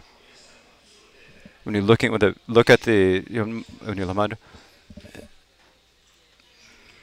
in the when you're looking look look inward at the pure uh, pure dharmic mind, it comes with the the word yoga. Just a little bit further. Let's turn it down a little bit further. When the this the So then you, uh, so a uh, uh, yogi who has this in their mind is what we call a yogic. Sometimes we think that there's a, we don't really understand this. Sometimes we think the yogi means someone is a, like an idiot, someone who's like too, who doesn't doesn't understand what helps or good. That's what we generally think about a yogi. But that's kind of strange sometimes we talk about a, a yogi. In, uh, in Tibetan society, we say, we say like a, a realized lama, a real a siddha. It's like someone who doesn't know anything. He doesn't know where to go. He doesn't. He doesn't know. He doesn't know that there. Doesn't know how to speak to people. Doesn't know how to take care of things. And we and so we think, oh, here's a really realized person. The person we go for refuge. But but if it's someone who in the in text it needs to uh, describe as someone who needs to know the nature of things, be able to see the nature of all things uh, as they are, as if looking at a myrobalan fruit in their palm of their hand someone to talk about yoga. So generally, someone who doesn't know to go and who doesn't know to stay. Is, is it a person or not? We don't know how to. And if it's quoted, uh, so we, uh, we talk about a yogi or someone who's realized like like that. So that there's nothing like that in the text. Uh, I don't know if it's in some sort of commentary. I don't know. So that's how it is. So it shouldn't be like this. But a a, a realization to be someone when the realization arises, and able to actually see the uh, the samsara uh, phenomena clearly as a even clever, smarter than better than as a so if someone has a sort of high power, that is what we should call a yoga. That's what I think. So in, in Longchenpa's uh, uh, Treasury of Dhamma, when you're looking at the nature of it, it means that we look at the nature of the when it's not looking at the object of the six con- uh, consciousnesses, but not being distracted by those six consciousnesses. When you look into, come back to the neighborhood, when we look in, the, look within ourselves. It's looking, it's like looking outside as samsara, looking in as nirvana. So looking out some samsara, when we're when we're distracted by the six uh, the six objects, then there is things that when we determine what to do or what not to do, and what's good or bad, then we have we call that nirvana. When we gather them all in, if in the yogi, then when gather them and gather them within the uh, samantabhadra, all good mind of the yogi, then that is the uh, then it's the nature that is just uh, looking inside. It is looking within. It is nirvana. When the mind so the mind is distra- uh, distracted and follows the objects in that distracted. And when we reverse those uh, distractions and uh, rest within the uh, the, the uh, self-arisen awareness, that is uh, that is nirvana. That's what it is. Uh, Gampopa said. Uh, Gampopa said that the difference between awareness and confusion is whether we be able to hold our own place. The, but it's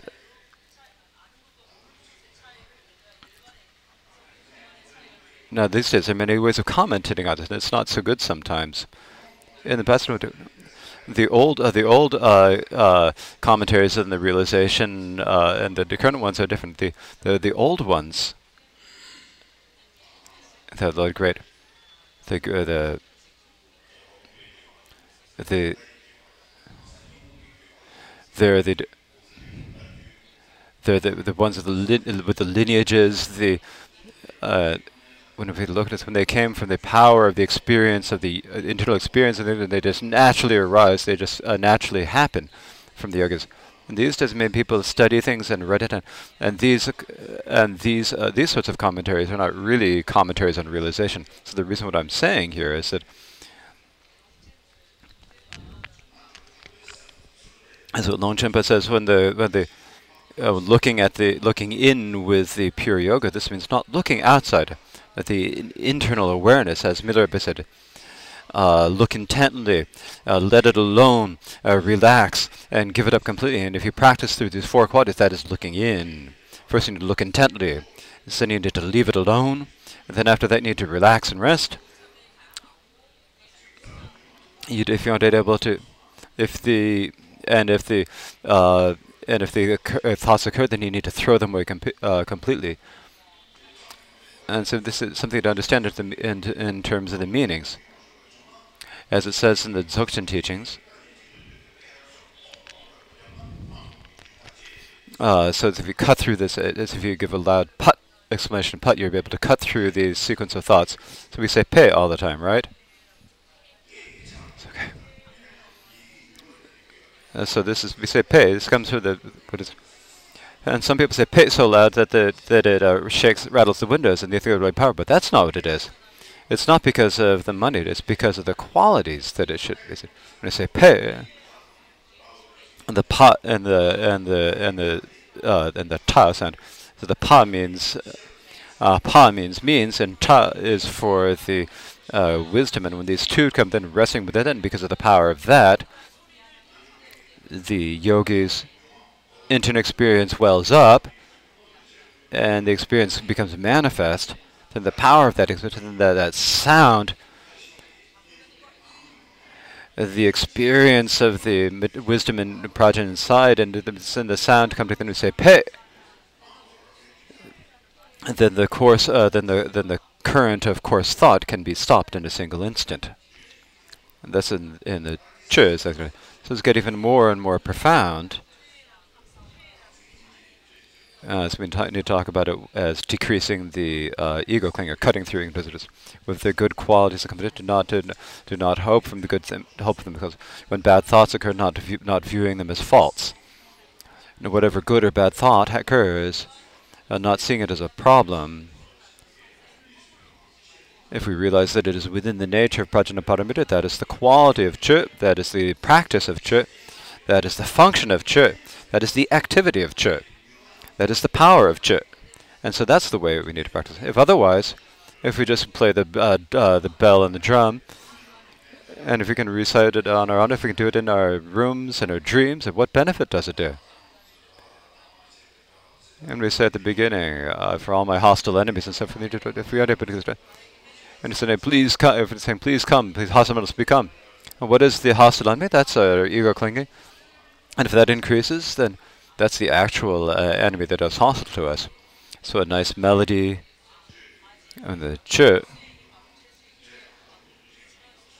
And so chöd should not become just a nice melody that subdues uh, spirits and ghosts. It means looking at the nature of your mind and cutting to the bottom of your own mind. If it, and if it can become that, that is what the actual practice of chöd is. And because of this, it uh, as it says, I prostrate to the uh, to the mother of the Buddhas, who transcends the, the thought of uh, speech, uh, uh, speech conception and description. And the reason why it transcends these is because it's the uh, because it is the mother who gives birth to all the four types of nobles, the Prajnaparamita. And so when talk about the mother of the victors, the Prajnaparamita, so we know that it's because of her that uh, because of that that the uh, that the that the arhats and the particular Buddhas, the Bodhisattvas and the Buddhas all arise. And when we prostrate to that, because of the power of that, when we realize that, and the for the individual has realization that it's impossible for there to be any ego clinging. It is impossible for there to be any uh, attachment, any impossible for there to be any competitiveness. And in order to pacify this, the point of the it, if we can realize that it comes from our mod. So first we need to recognize the, we need to find the, the, the secret of the, or the, the point of the thoughts. The when you look at them, the point of the thoughts is that they do not, uh, that they do not truly exist, and that they, and so. And so as I talked about the instruction, the mind instructions, it talked about the and when we look for the nature of the secret of the mind, then the mind is not truly expanded, it is not can be defined, and if it has no basis, when we know that, then because of that, the thoughts that occur to that, do, you don't need to use a particular um, antidote towards them, they just naturally cease. This is the, the special feature of Chöd. And when you understand that there cannot be any gods or there can't be any demons, gods are just uh, manifestations of mind because of the uh, because of the situation of our channels in the wind, we see gods and demons. Uh, they do not truly exist. They're just because of the uh, disturbances in, in our uh, channels and winds. We see them as uh, gods and as gods and demons. And so when we think of them as true, then that that is a uh, confusion. So as Longchenpa has said,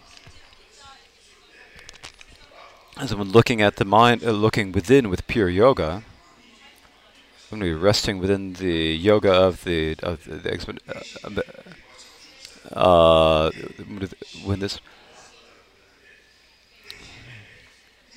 so there's no uh, this the mind without any basis. And there's no basis for it. the reason for that is because there's no root for it.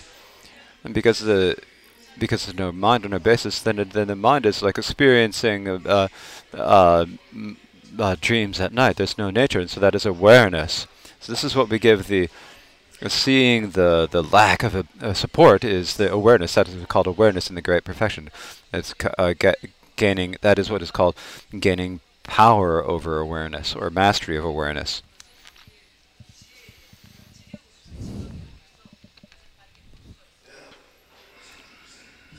And this is what we call the awareness bodhicitta. So don't investigate, don't investigate, don't, uh, don't investigate. Uh, do, uh, do not meditate, don't meditate, uh, don't meditate on the mind. So don't investigate, don't investigate. Uh, so, so don't try to create or stop anything.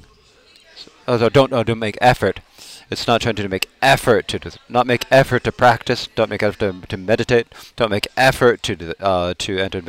Do not uh, do not uh, don't analyze it. Don't uh, don't do. Don't do.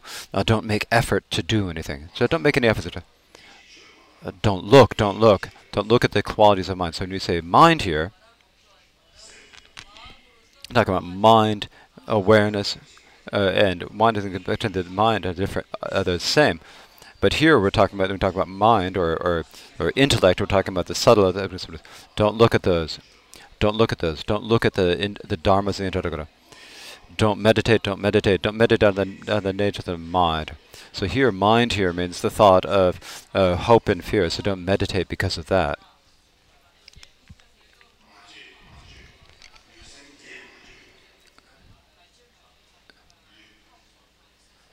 So with the, the, the view is, don't look at the view, don't look at the, the, the, the, the meditations, don't meditate, don't meditate, don't meditate on the nature of the mind.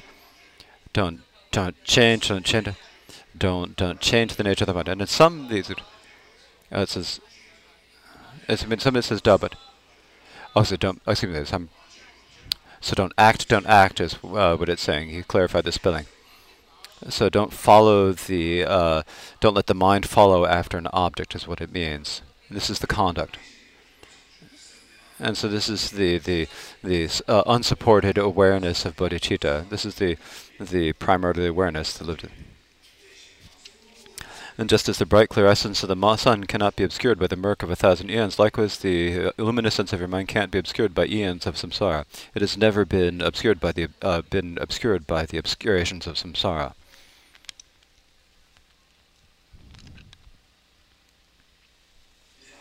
So this is what this shows is that the the primordial purity, uh, pure, from the very beginning.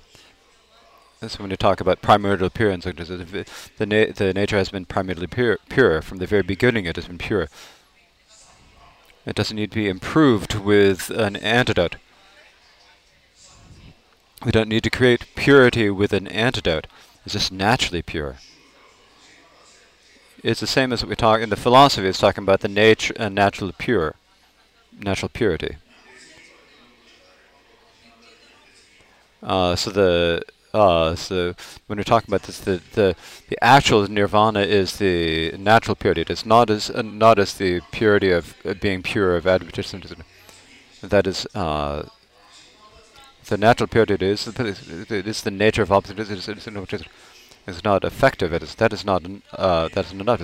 Even though it is primarily pure, because if we don't recognize that it is pure, that if we not recognize that purity is pure and and recognize and try to realize that the that the stains are adventitious, that they uh, do not uh, they're not actual obscurity. And if develop the prajna through listening, contemplation, then we can and eliminate the ex, uh, obscurations, then that is the actual liberation. Is actually the uh, the the purity, uh, being pure of the adventitious uh, obscurations. It is not the natural purity. However, but the basis of that of being pure of the adventitious obscurations is the natural purity, and we need to understand this. Otherwise, if it's something we need to create, some because uh, produce a new a result because of cause and conditions. But it's not like that. It's the nature of the mind. Has never been uh, stained. It has never been affected. It has never been polluted by obscurations. And knowing this, and by understanding that, and and and emphasizing, then the uh, then we need to continue practice. And so when we continue continue this in practice, then we will achieve the uh, then to follow the path and to achieve the uh, purity of being the state of being pure of the adventitious states. And so that is how it goes. This is how it's described in the texts. This is the way it is happening. And so for this reason, and so it cannot be obscured by uh, eons of samsara, as it says here. We're on page 24 of the text.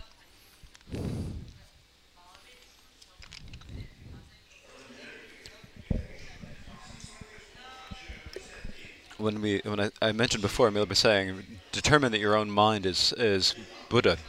the basis is uh, pure. And we need to find that through the path. And when that, that ground becomes uh, a result, and that is what we call a Buddha.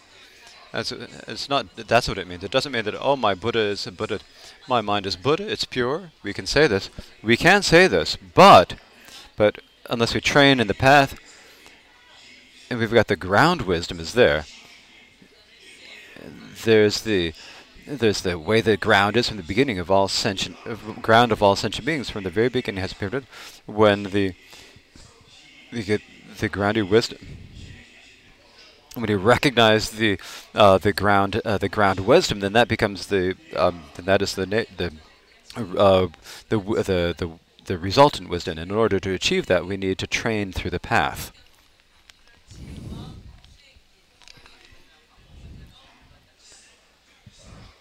as it says in uh, the Song of Saraha. Uh, pure from the very beginning, it is the nature of things. There is nothing to give up and nothing to realize, nothing to add to do the mind and Mahamudra. Uh, this do not uh, do anything to the nature of Mahamudra. So, so here he's using again space as a nepotism from the pure from the beginning. So primordially pure. So it's pure from the beginning pure from the, the from this basis, this primordially, primordially pure space, like in the space, as I said, uh, there's an, all good and bad can exist in space, but but they do not uh, pollute the space.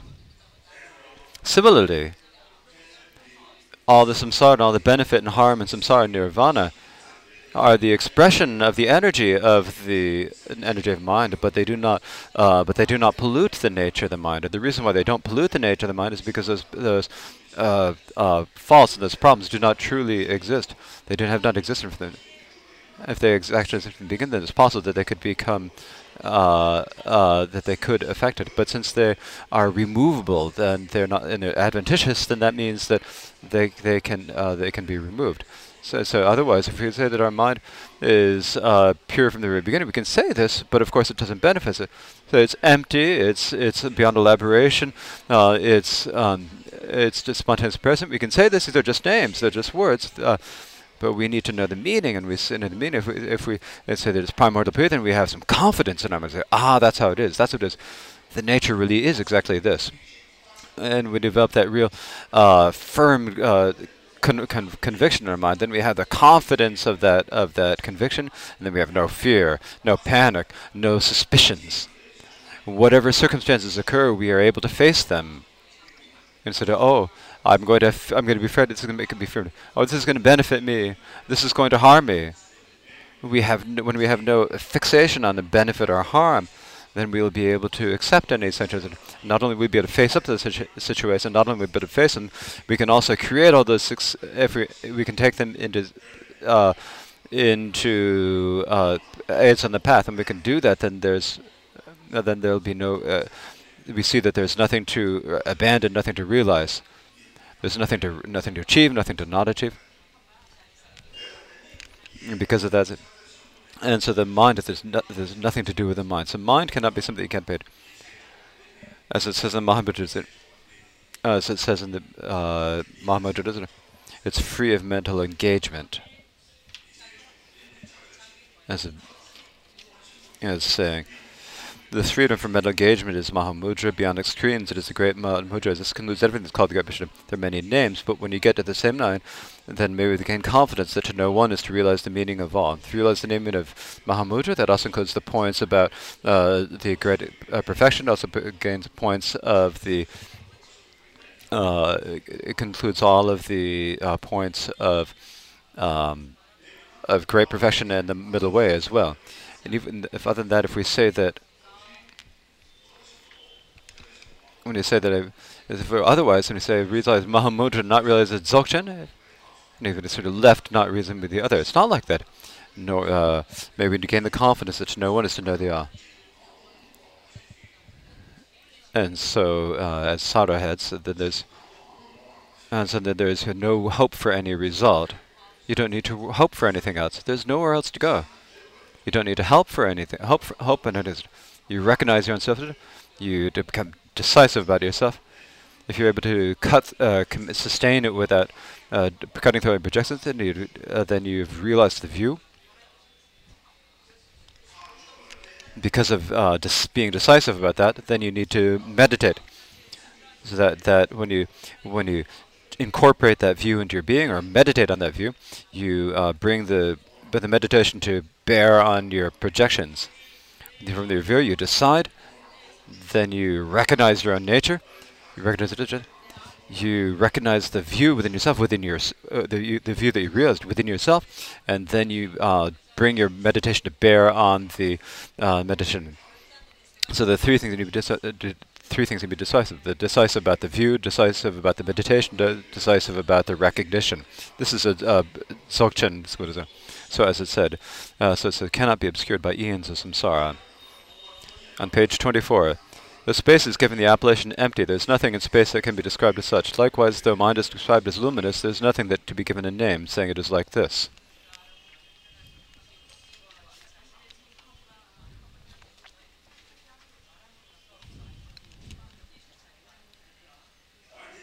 So at this point, what it is saying here, what this is discussing is the pure luminosity.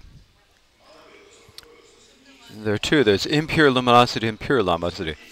But is the luminosity when it is uh, obscured by adventitious space. That is what we call impure uh, luminosity. When it is uh, freed from the uh, freed from those obscurations, then it is the pure uh, luminosity. There's no from the from the point of luminosity there is uh, no pure impure from the from the, the, the, during the phase of an ordinary being, the phase of being a, pure, a noble bodhisattva, but the nature, the luminous nature of the mind is unshifting, unchanging.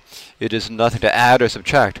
It is not. It, it always just shines as it is. But in the nature of the of the mind, there's no question of being pure or pure.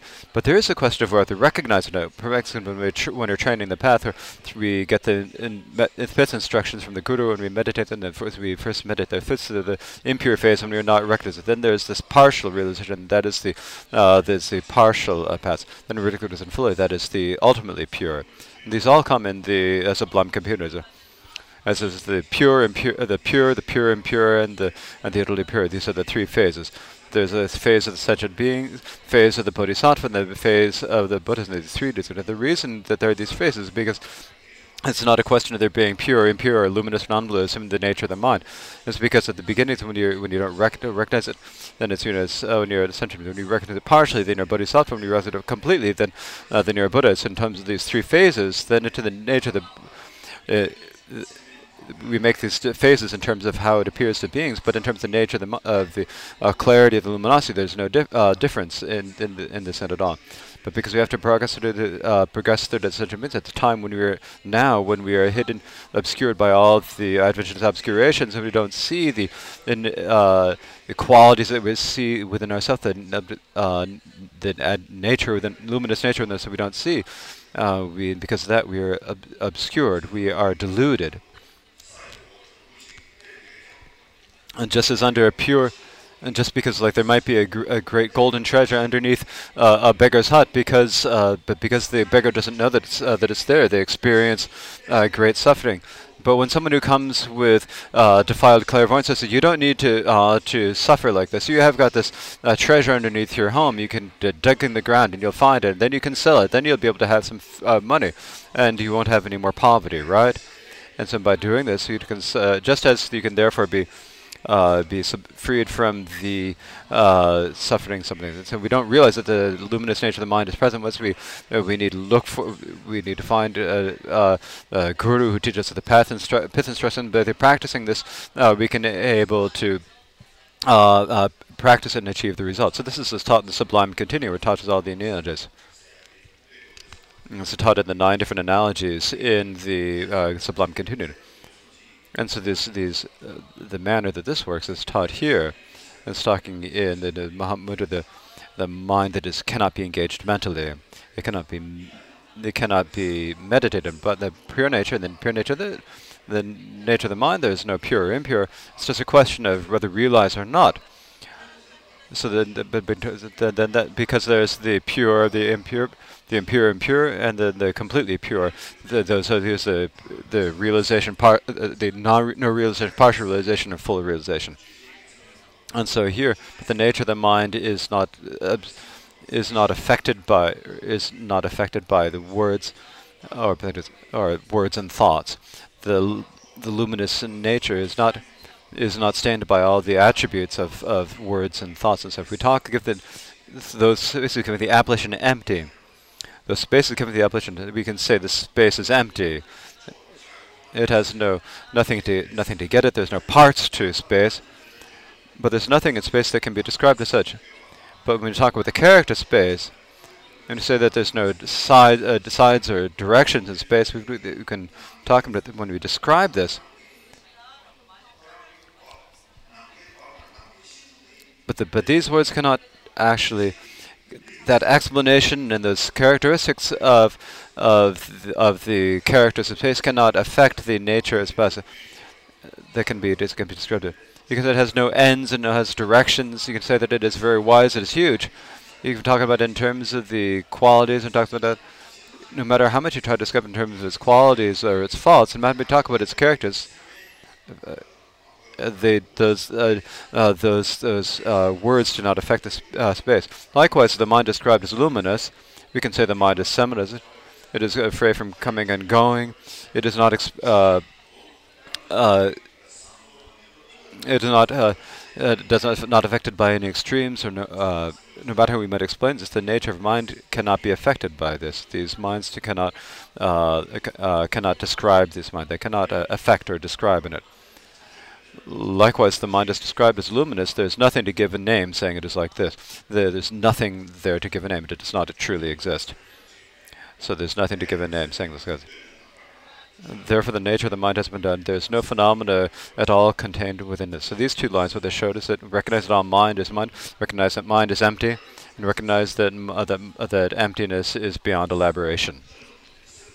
So recognize that all phenomena are mind, recognize that mind is emptiness, and recognize that emptiness is uh, beyond elaboration.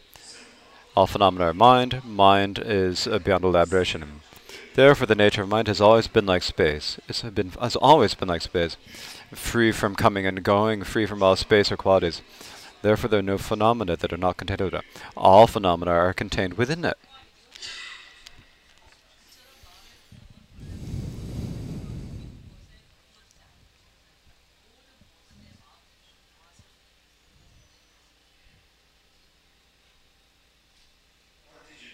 And so it, so first you have the view, as it says, as we talked about. Uh, We have to have the view.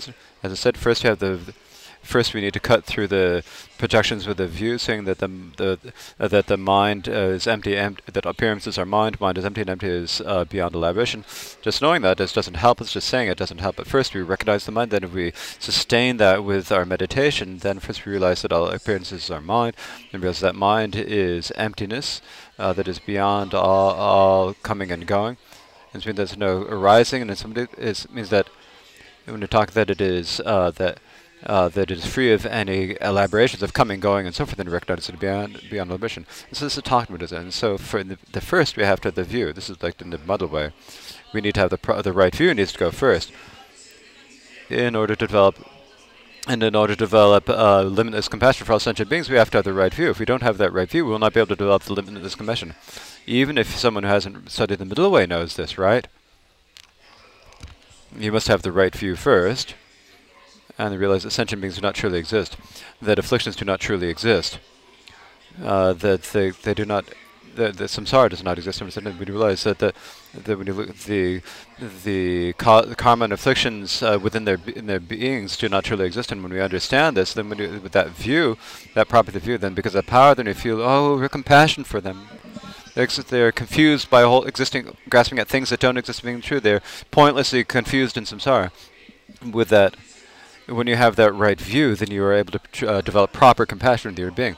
If you do not have the uh, the right view first, then then that uh, then we have that uh, con- convention that is not real compassion. It If these if we think that if we think that the if we think that the sentient beings and their suffering truly existing, then the compassion couldn't happen.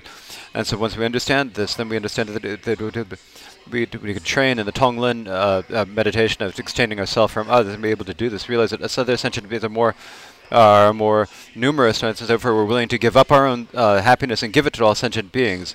And this is uh, and so when we're talking about all the uh, the the different visualizations of uh, the exchanging self and other in the eighth chapter, the way the bodhisattva then would be able to see it. Uh, so it's like uh, then we, then we need to have we first have to the project to go through. So it says it says the Buddha says before we have uh, generosity, we must first have before we have to have everything, uh, uh, uh, generosity, discipline, patience, and so forth, we have to have the prajna first. We need to develop the, the before we develop all of these uh, these uh, generosity and so forth. If, if, we do not first develop that, if all the aspects of method, such as generosity, cannot become uh, transcendent. And so, if we, by having the the the right the right prajna that develops and we practice it, then when that becomes awareness and they become the cause, the the uh, generosity and so forth, they become the cause of the uh, the unwisdom. And so, if we don't have that, no matter how much we uh, uh, no matter to we practice the uh, the pa- the uh, paths of the message, we will not be able to become the uh, achieve enlightenment because they're not the actual causes of enlightenment. Because that actual cause of enlightenment is prajna. So as it says here, and therefore the nature of the mind has always been like so. Saying, always like space means it talks about the the view of the purity has to come first. Then because that we then the meditation follows it, and so we need to do the view and the meditation need to be practiced in in union.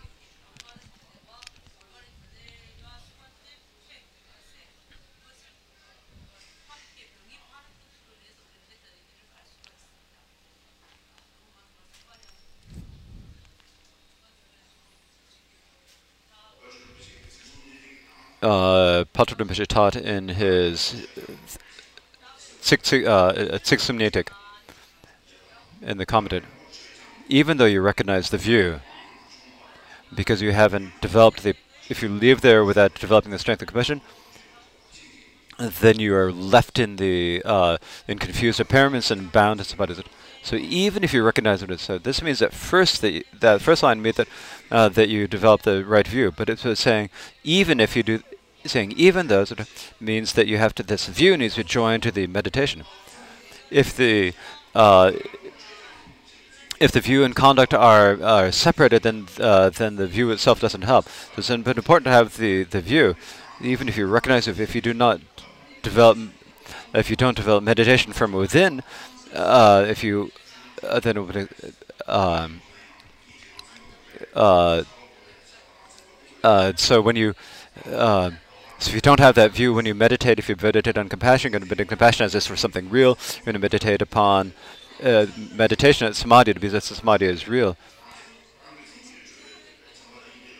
When you meditate on compassion as if they existed truly by their own capacity, then they're not. Uh, when they are not sealed or embraced by the view of emptiness, then they uh, then they go into then they'll become uh, then they'll just be the uh, confused appearances. If the compassion and loving kindness just become uh, become autonomous, they just they become autonomous, and then you are bound in samsara. It's very clearly taught in this text by Patrul Rinpoche. And so, before we do pure meditation, we'd have a pure view, and we have that that pure that that meditation has to be sealed with the pure view. That the two of these are separated and then we when we wander in uh, in confusion and it becomes a cause of samsara, it will not become a cause of, of omniscience. Whatever pranayation were to do, uh, whatever samadhi do, will become uh, become an autonomous thought, and with the view of an autonomous thought, that'll just bound us in samsara. It'll not liberate us from some, uh, liberate us from samsara and into uh, nirvana. And so, what is it here? So, if we're bound by by autonomous thoughts, the, then then the then the Dharma and our own being are separate. It's the the Dharma is over here and the Dharma is here. It's like you're leaving the the the if you're having the uh, you have to the, having the the axe and the and the tree are separate. If you're going to cut down a tree, you have to pick up the axe and just cut down the tree. You have to use it.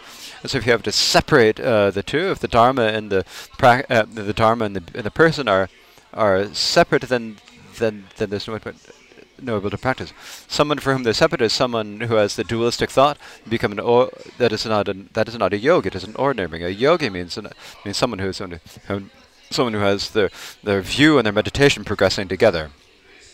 And so that was saying that you'd be you'd be bound as an ordinary person, as Patanjali Rinpoche say. When you're when you're when your when your view and meditation uh, are separate, then you uh, then you uh, uh, then you become an ordinary sentient being. It says so. It's talking about not meditation. So if you can just rest within your uh, nature of the mind as, as it is, then you've just rested in that. So.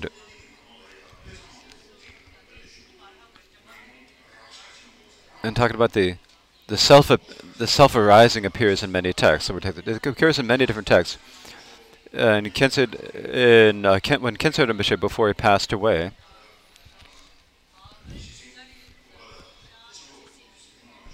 When he was in his, uh, he gave a teaching on the Tsiktsum Netik to several, to me and several other people. When he gave us this teaching, the one very good fortune is that he gave me the teachings that he that he taught from. He gave it to me, and when I looked at that, he said it's not Rangshar we should say it's not rangshar, it should be nangshar. It should be, it shouldn't be self-appearance, but an internal appearance. In fact, self-appearance, there's no power to it.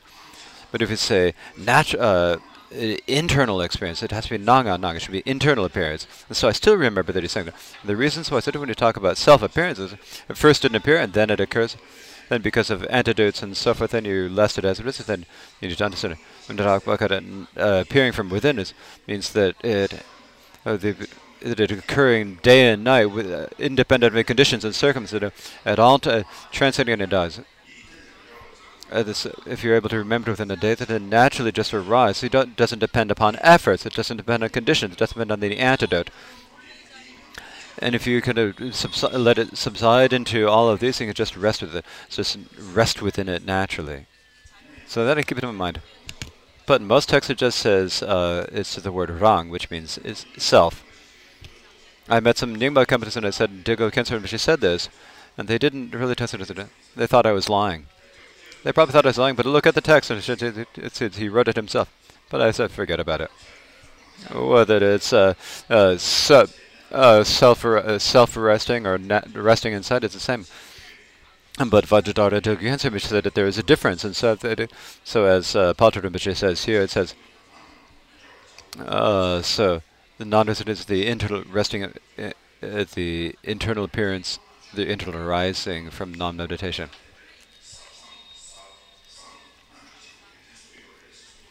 So the three qualities. There's a the there's a, the profound, the uh, profound, subtle, and uh, profound secret and yoga qualities that need to be present. So when we do these practices, we write this as we also at the end. At the end, when we give it, when we recite it, and the meaning of this is this. It has a great meaning for reciting the text. We're about to go. When you're writing, sitting in the recite, sitting in samadhi, you write the uh, refuge and bodhichitta, French frontal visualization, self visualization, stuff, and you need to focus on the visit when you're when you're going to that uh, lunch. And so when you're thinking of and so you're thinking about the the lunch in the, the this the it's it's already in the pot, it's already in the, the place. And think about it, the, the thought food. And at that point, when you look at at, at that point, or oh, your mind has already thought, you think it's gone into the bathroom because you have to go to uh, to pee, right? Uh, and so your mind is not able to get to this uh, profound, uh, profound, uh, profound secret uh, yoga. You can't come to the, and so that point is what is today. When talk about this, when you go to the, when you go to the, when you go to the bathroom, you can do this uh, profound uh, profound secret yoga. You can do this in the kitchen. You can do this in the that. That's a name that you can give a great yogi. So there are also little yogis and they're great yogis. So little yogis, who, people yogas who uh, little yogis are ones who have the, uh, the who have a very conceptual minds. And the, but if you're able to bring the yoga yoga into all of your activities, then you're a great yogi. And so this says uh, Subramanya says.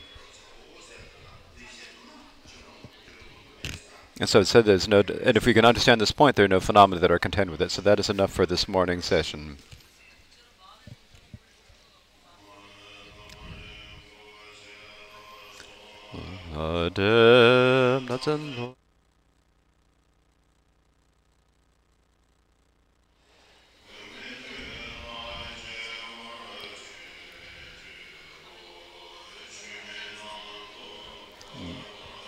Bless me to realize that every non-dharmics will cease. Bless me to realize that my mind is unborn. Bless me that confusion naturally subside. Bless me to realize everything is Dharmakaya. I supplicate my gracious Guru. Bless me to give up clinging to an ego. Bless me to realize everything is futile. Bless me so that non-dharmic thoughts will cease. Bless me to realize that my mind is unborn. Bless me that confusion naturally subside.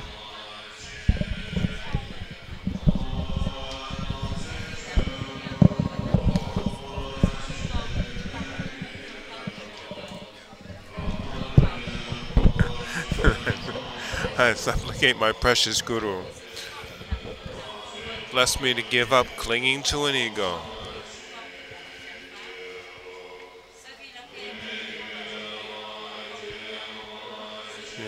Bless me to realize everything is futile.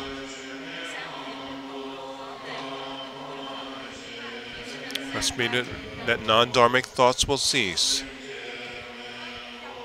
Bless me to realize that my mind is unborn. Bless me that confusion naturally subside. Bless me to realize everything is Dharmakaya. I supplicate my precious Guru.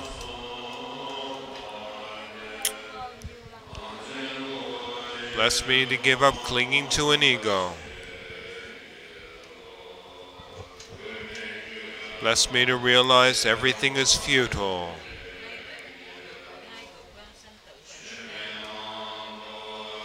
Bless me so that non dharmic thoughts will cease. Bless me to realize that my mind is unborn.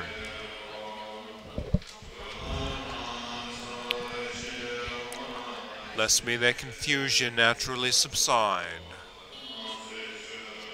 Bless me to realize everything is Dharmakaya.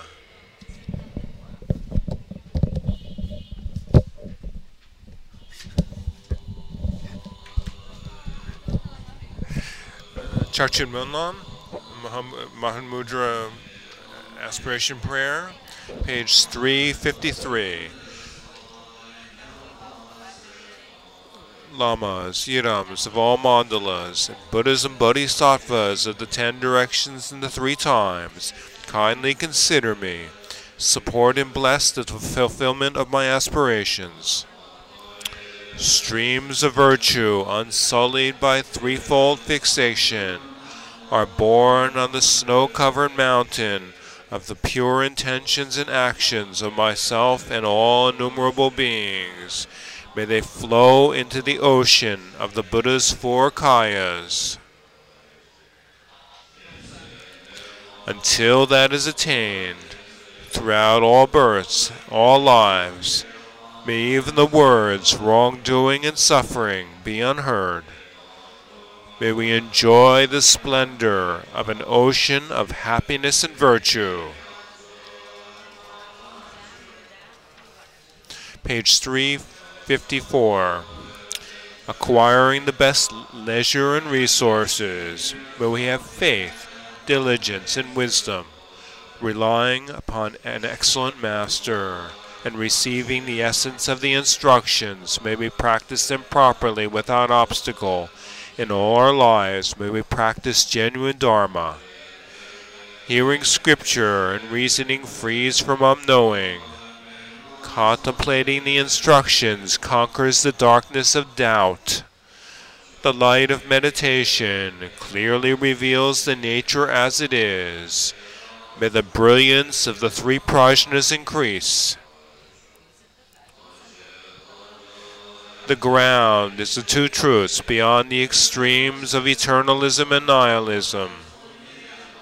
To the supreme path of the two accumulations, beyond the extremes of exaggeration and denial, the fruition, the two benefits, beyond the extremes of samsara and nirvana, is attained. May we encounter Dharma free from error and deviation. The ground of purification is the mind's nature, the union of lucidity and emptiness. What purifies is the great Vajra Yoga of Mahamudra. What is purified is the stains of adventitious delusion. May the result of purification, the stainless Dharmakaya, be revealed. Severing misconceptions of the ground is certainty of the view. Sustaining that without distraction is the point of meditation. Training in all aspects of meditation is the best conduct. May we have the confidence of view, meditation, and conduct all dharmas of the mind's manifestations. The mind, there is no mind, it is empty of mind's essence. Empty, it is unceasing, and can appear as anything, having scrutinized it. And may we find it. We mistake self appearance, which has never existed, to be an object. Under ignorance's power, we mistake self awareness to be a self. Under the power of dualistic fixation, we wander in the expanse of samsara. May we get to the bottom of ignorance and delusion. Not something, it is not seen even by the Buddhas. Not nothing, it is the ground of all samsara and nirvana. This is not a contradiction, it is the unity, the middle way. May we realize the mind's nature beyond extremes. Nothing indicates this, saying it is this. Nothing negates this, saying it is not this. Beyond the intellect, Dharmata is not composite. May we realize the perfect ultimate truth.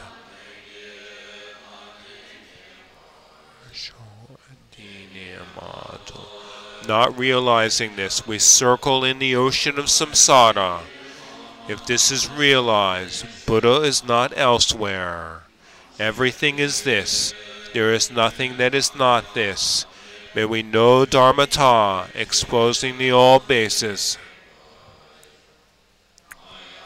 Appearance is our mind. Emptiness is also mind. Realization is mind. Delusion is also our own mind. Arisen, it's mind. Stopped, it's also mind. May we sever all misconceptions in the mind. Not sullied by the meditation that is conceptual effort, not stirred by the wind of ordinary distractions. May we know how to rest naturally and freely, not altering.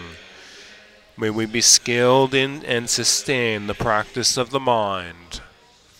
Page 357. May the subtle and coarse waves of thought be naturally calmed. May the river of mind, unmoving, come to natural rest. Free from the polluting stains of torpor and dullness, may the ocean of shamatha be unmoving, unmovingly stable when looking again and again at the mind which is nothing to look at, nothing to see is vividly seen as it is. That is the resolution of doubts about what is and is not. Without delusion, may we come to recognize our own nature. Looking at objects, there are no objects. They are seen as mind. Looking at mind, there is no mind, it is empty of nature. Looking at both, dualism is liberated in its own place. May we realize the clear light, the mind's nature. This freedom from mental engagement is Mahamudra. Beyond extremes, it is the great middle way. This includes everything, it is also called Dzogchen.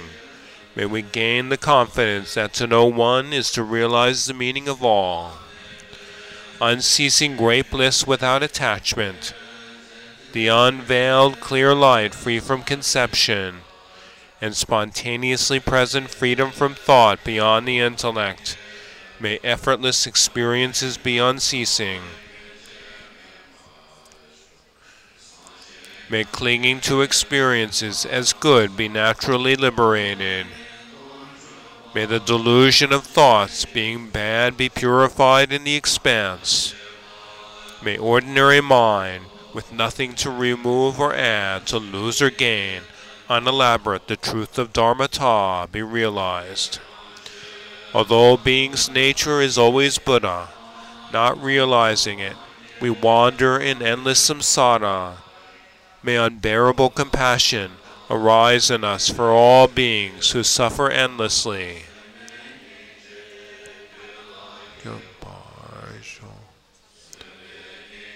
The display of unbearable compassion is unceasing within that affection its empty nature arises nakedly. May we cultivate this integrated path without error constantly throughout day and night.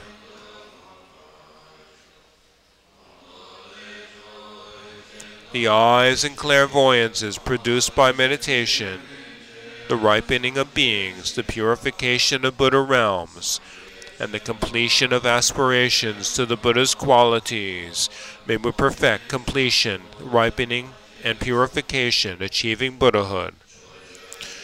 Through the compassion of the Buddhas and Bodhisattvas of the ten directions, and the power of whatever pure virtue there is, may the pure aspirations of myself and all beings be fulfilled in accord with our intentions.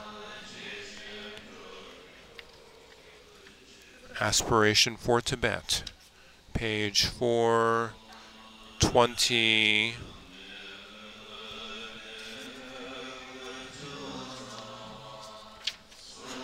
Four hundred and twenty-seven.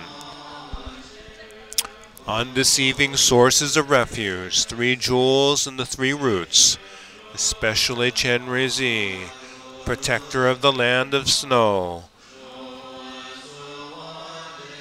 Aryatara, Guru Pema Jungne, I pray to you, consider your pledges and promises.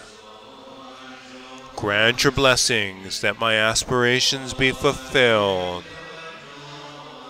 Through the incorrect thoughts and actions of beings in degenerate times, and turmoil of the outer and inner elements, their new human and animal diseases, we are struck by planets, nagas, gyalpos, and evil bhutas, blight, frost, hail, and poor harvests, war and fighting,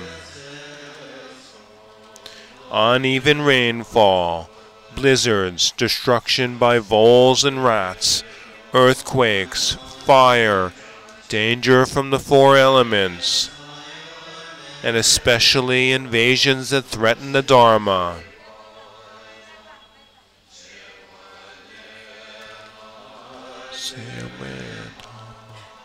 May all such things that menace this land of snow be quickly pacified and eradicated.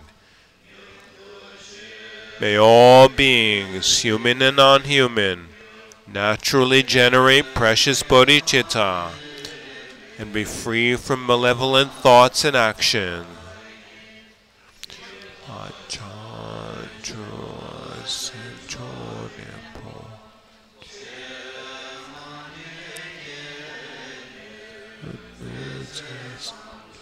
May they love one another.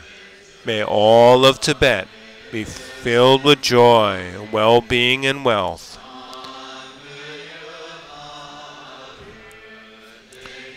May the Dharma spread, flourish, and long remain through the power of the truth of the three roots, Buddhas and Bodhisattvas, the power of all the roots of virtue in samsara and nirvana, and the power of our pure benevolence.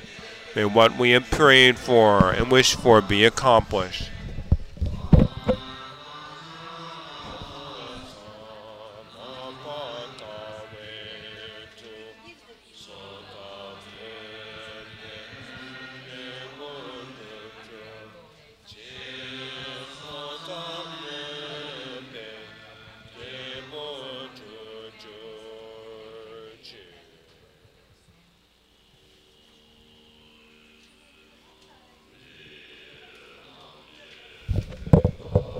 Highest merit.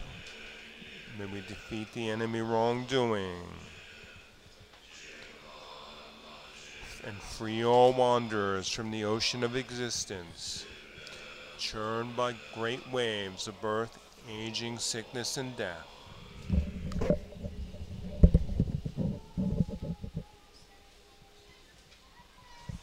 That ends the morning session, the second day of the preliminary teachings the 36 Kagyu Monlam. We'll have a lunch break and resume at 2 o'clock Indian Standard Time.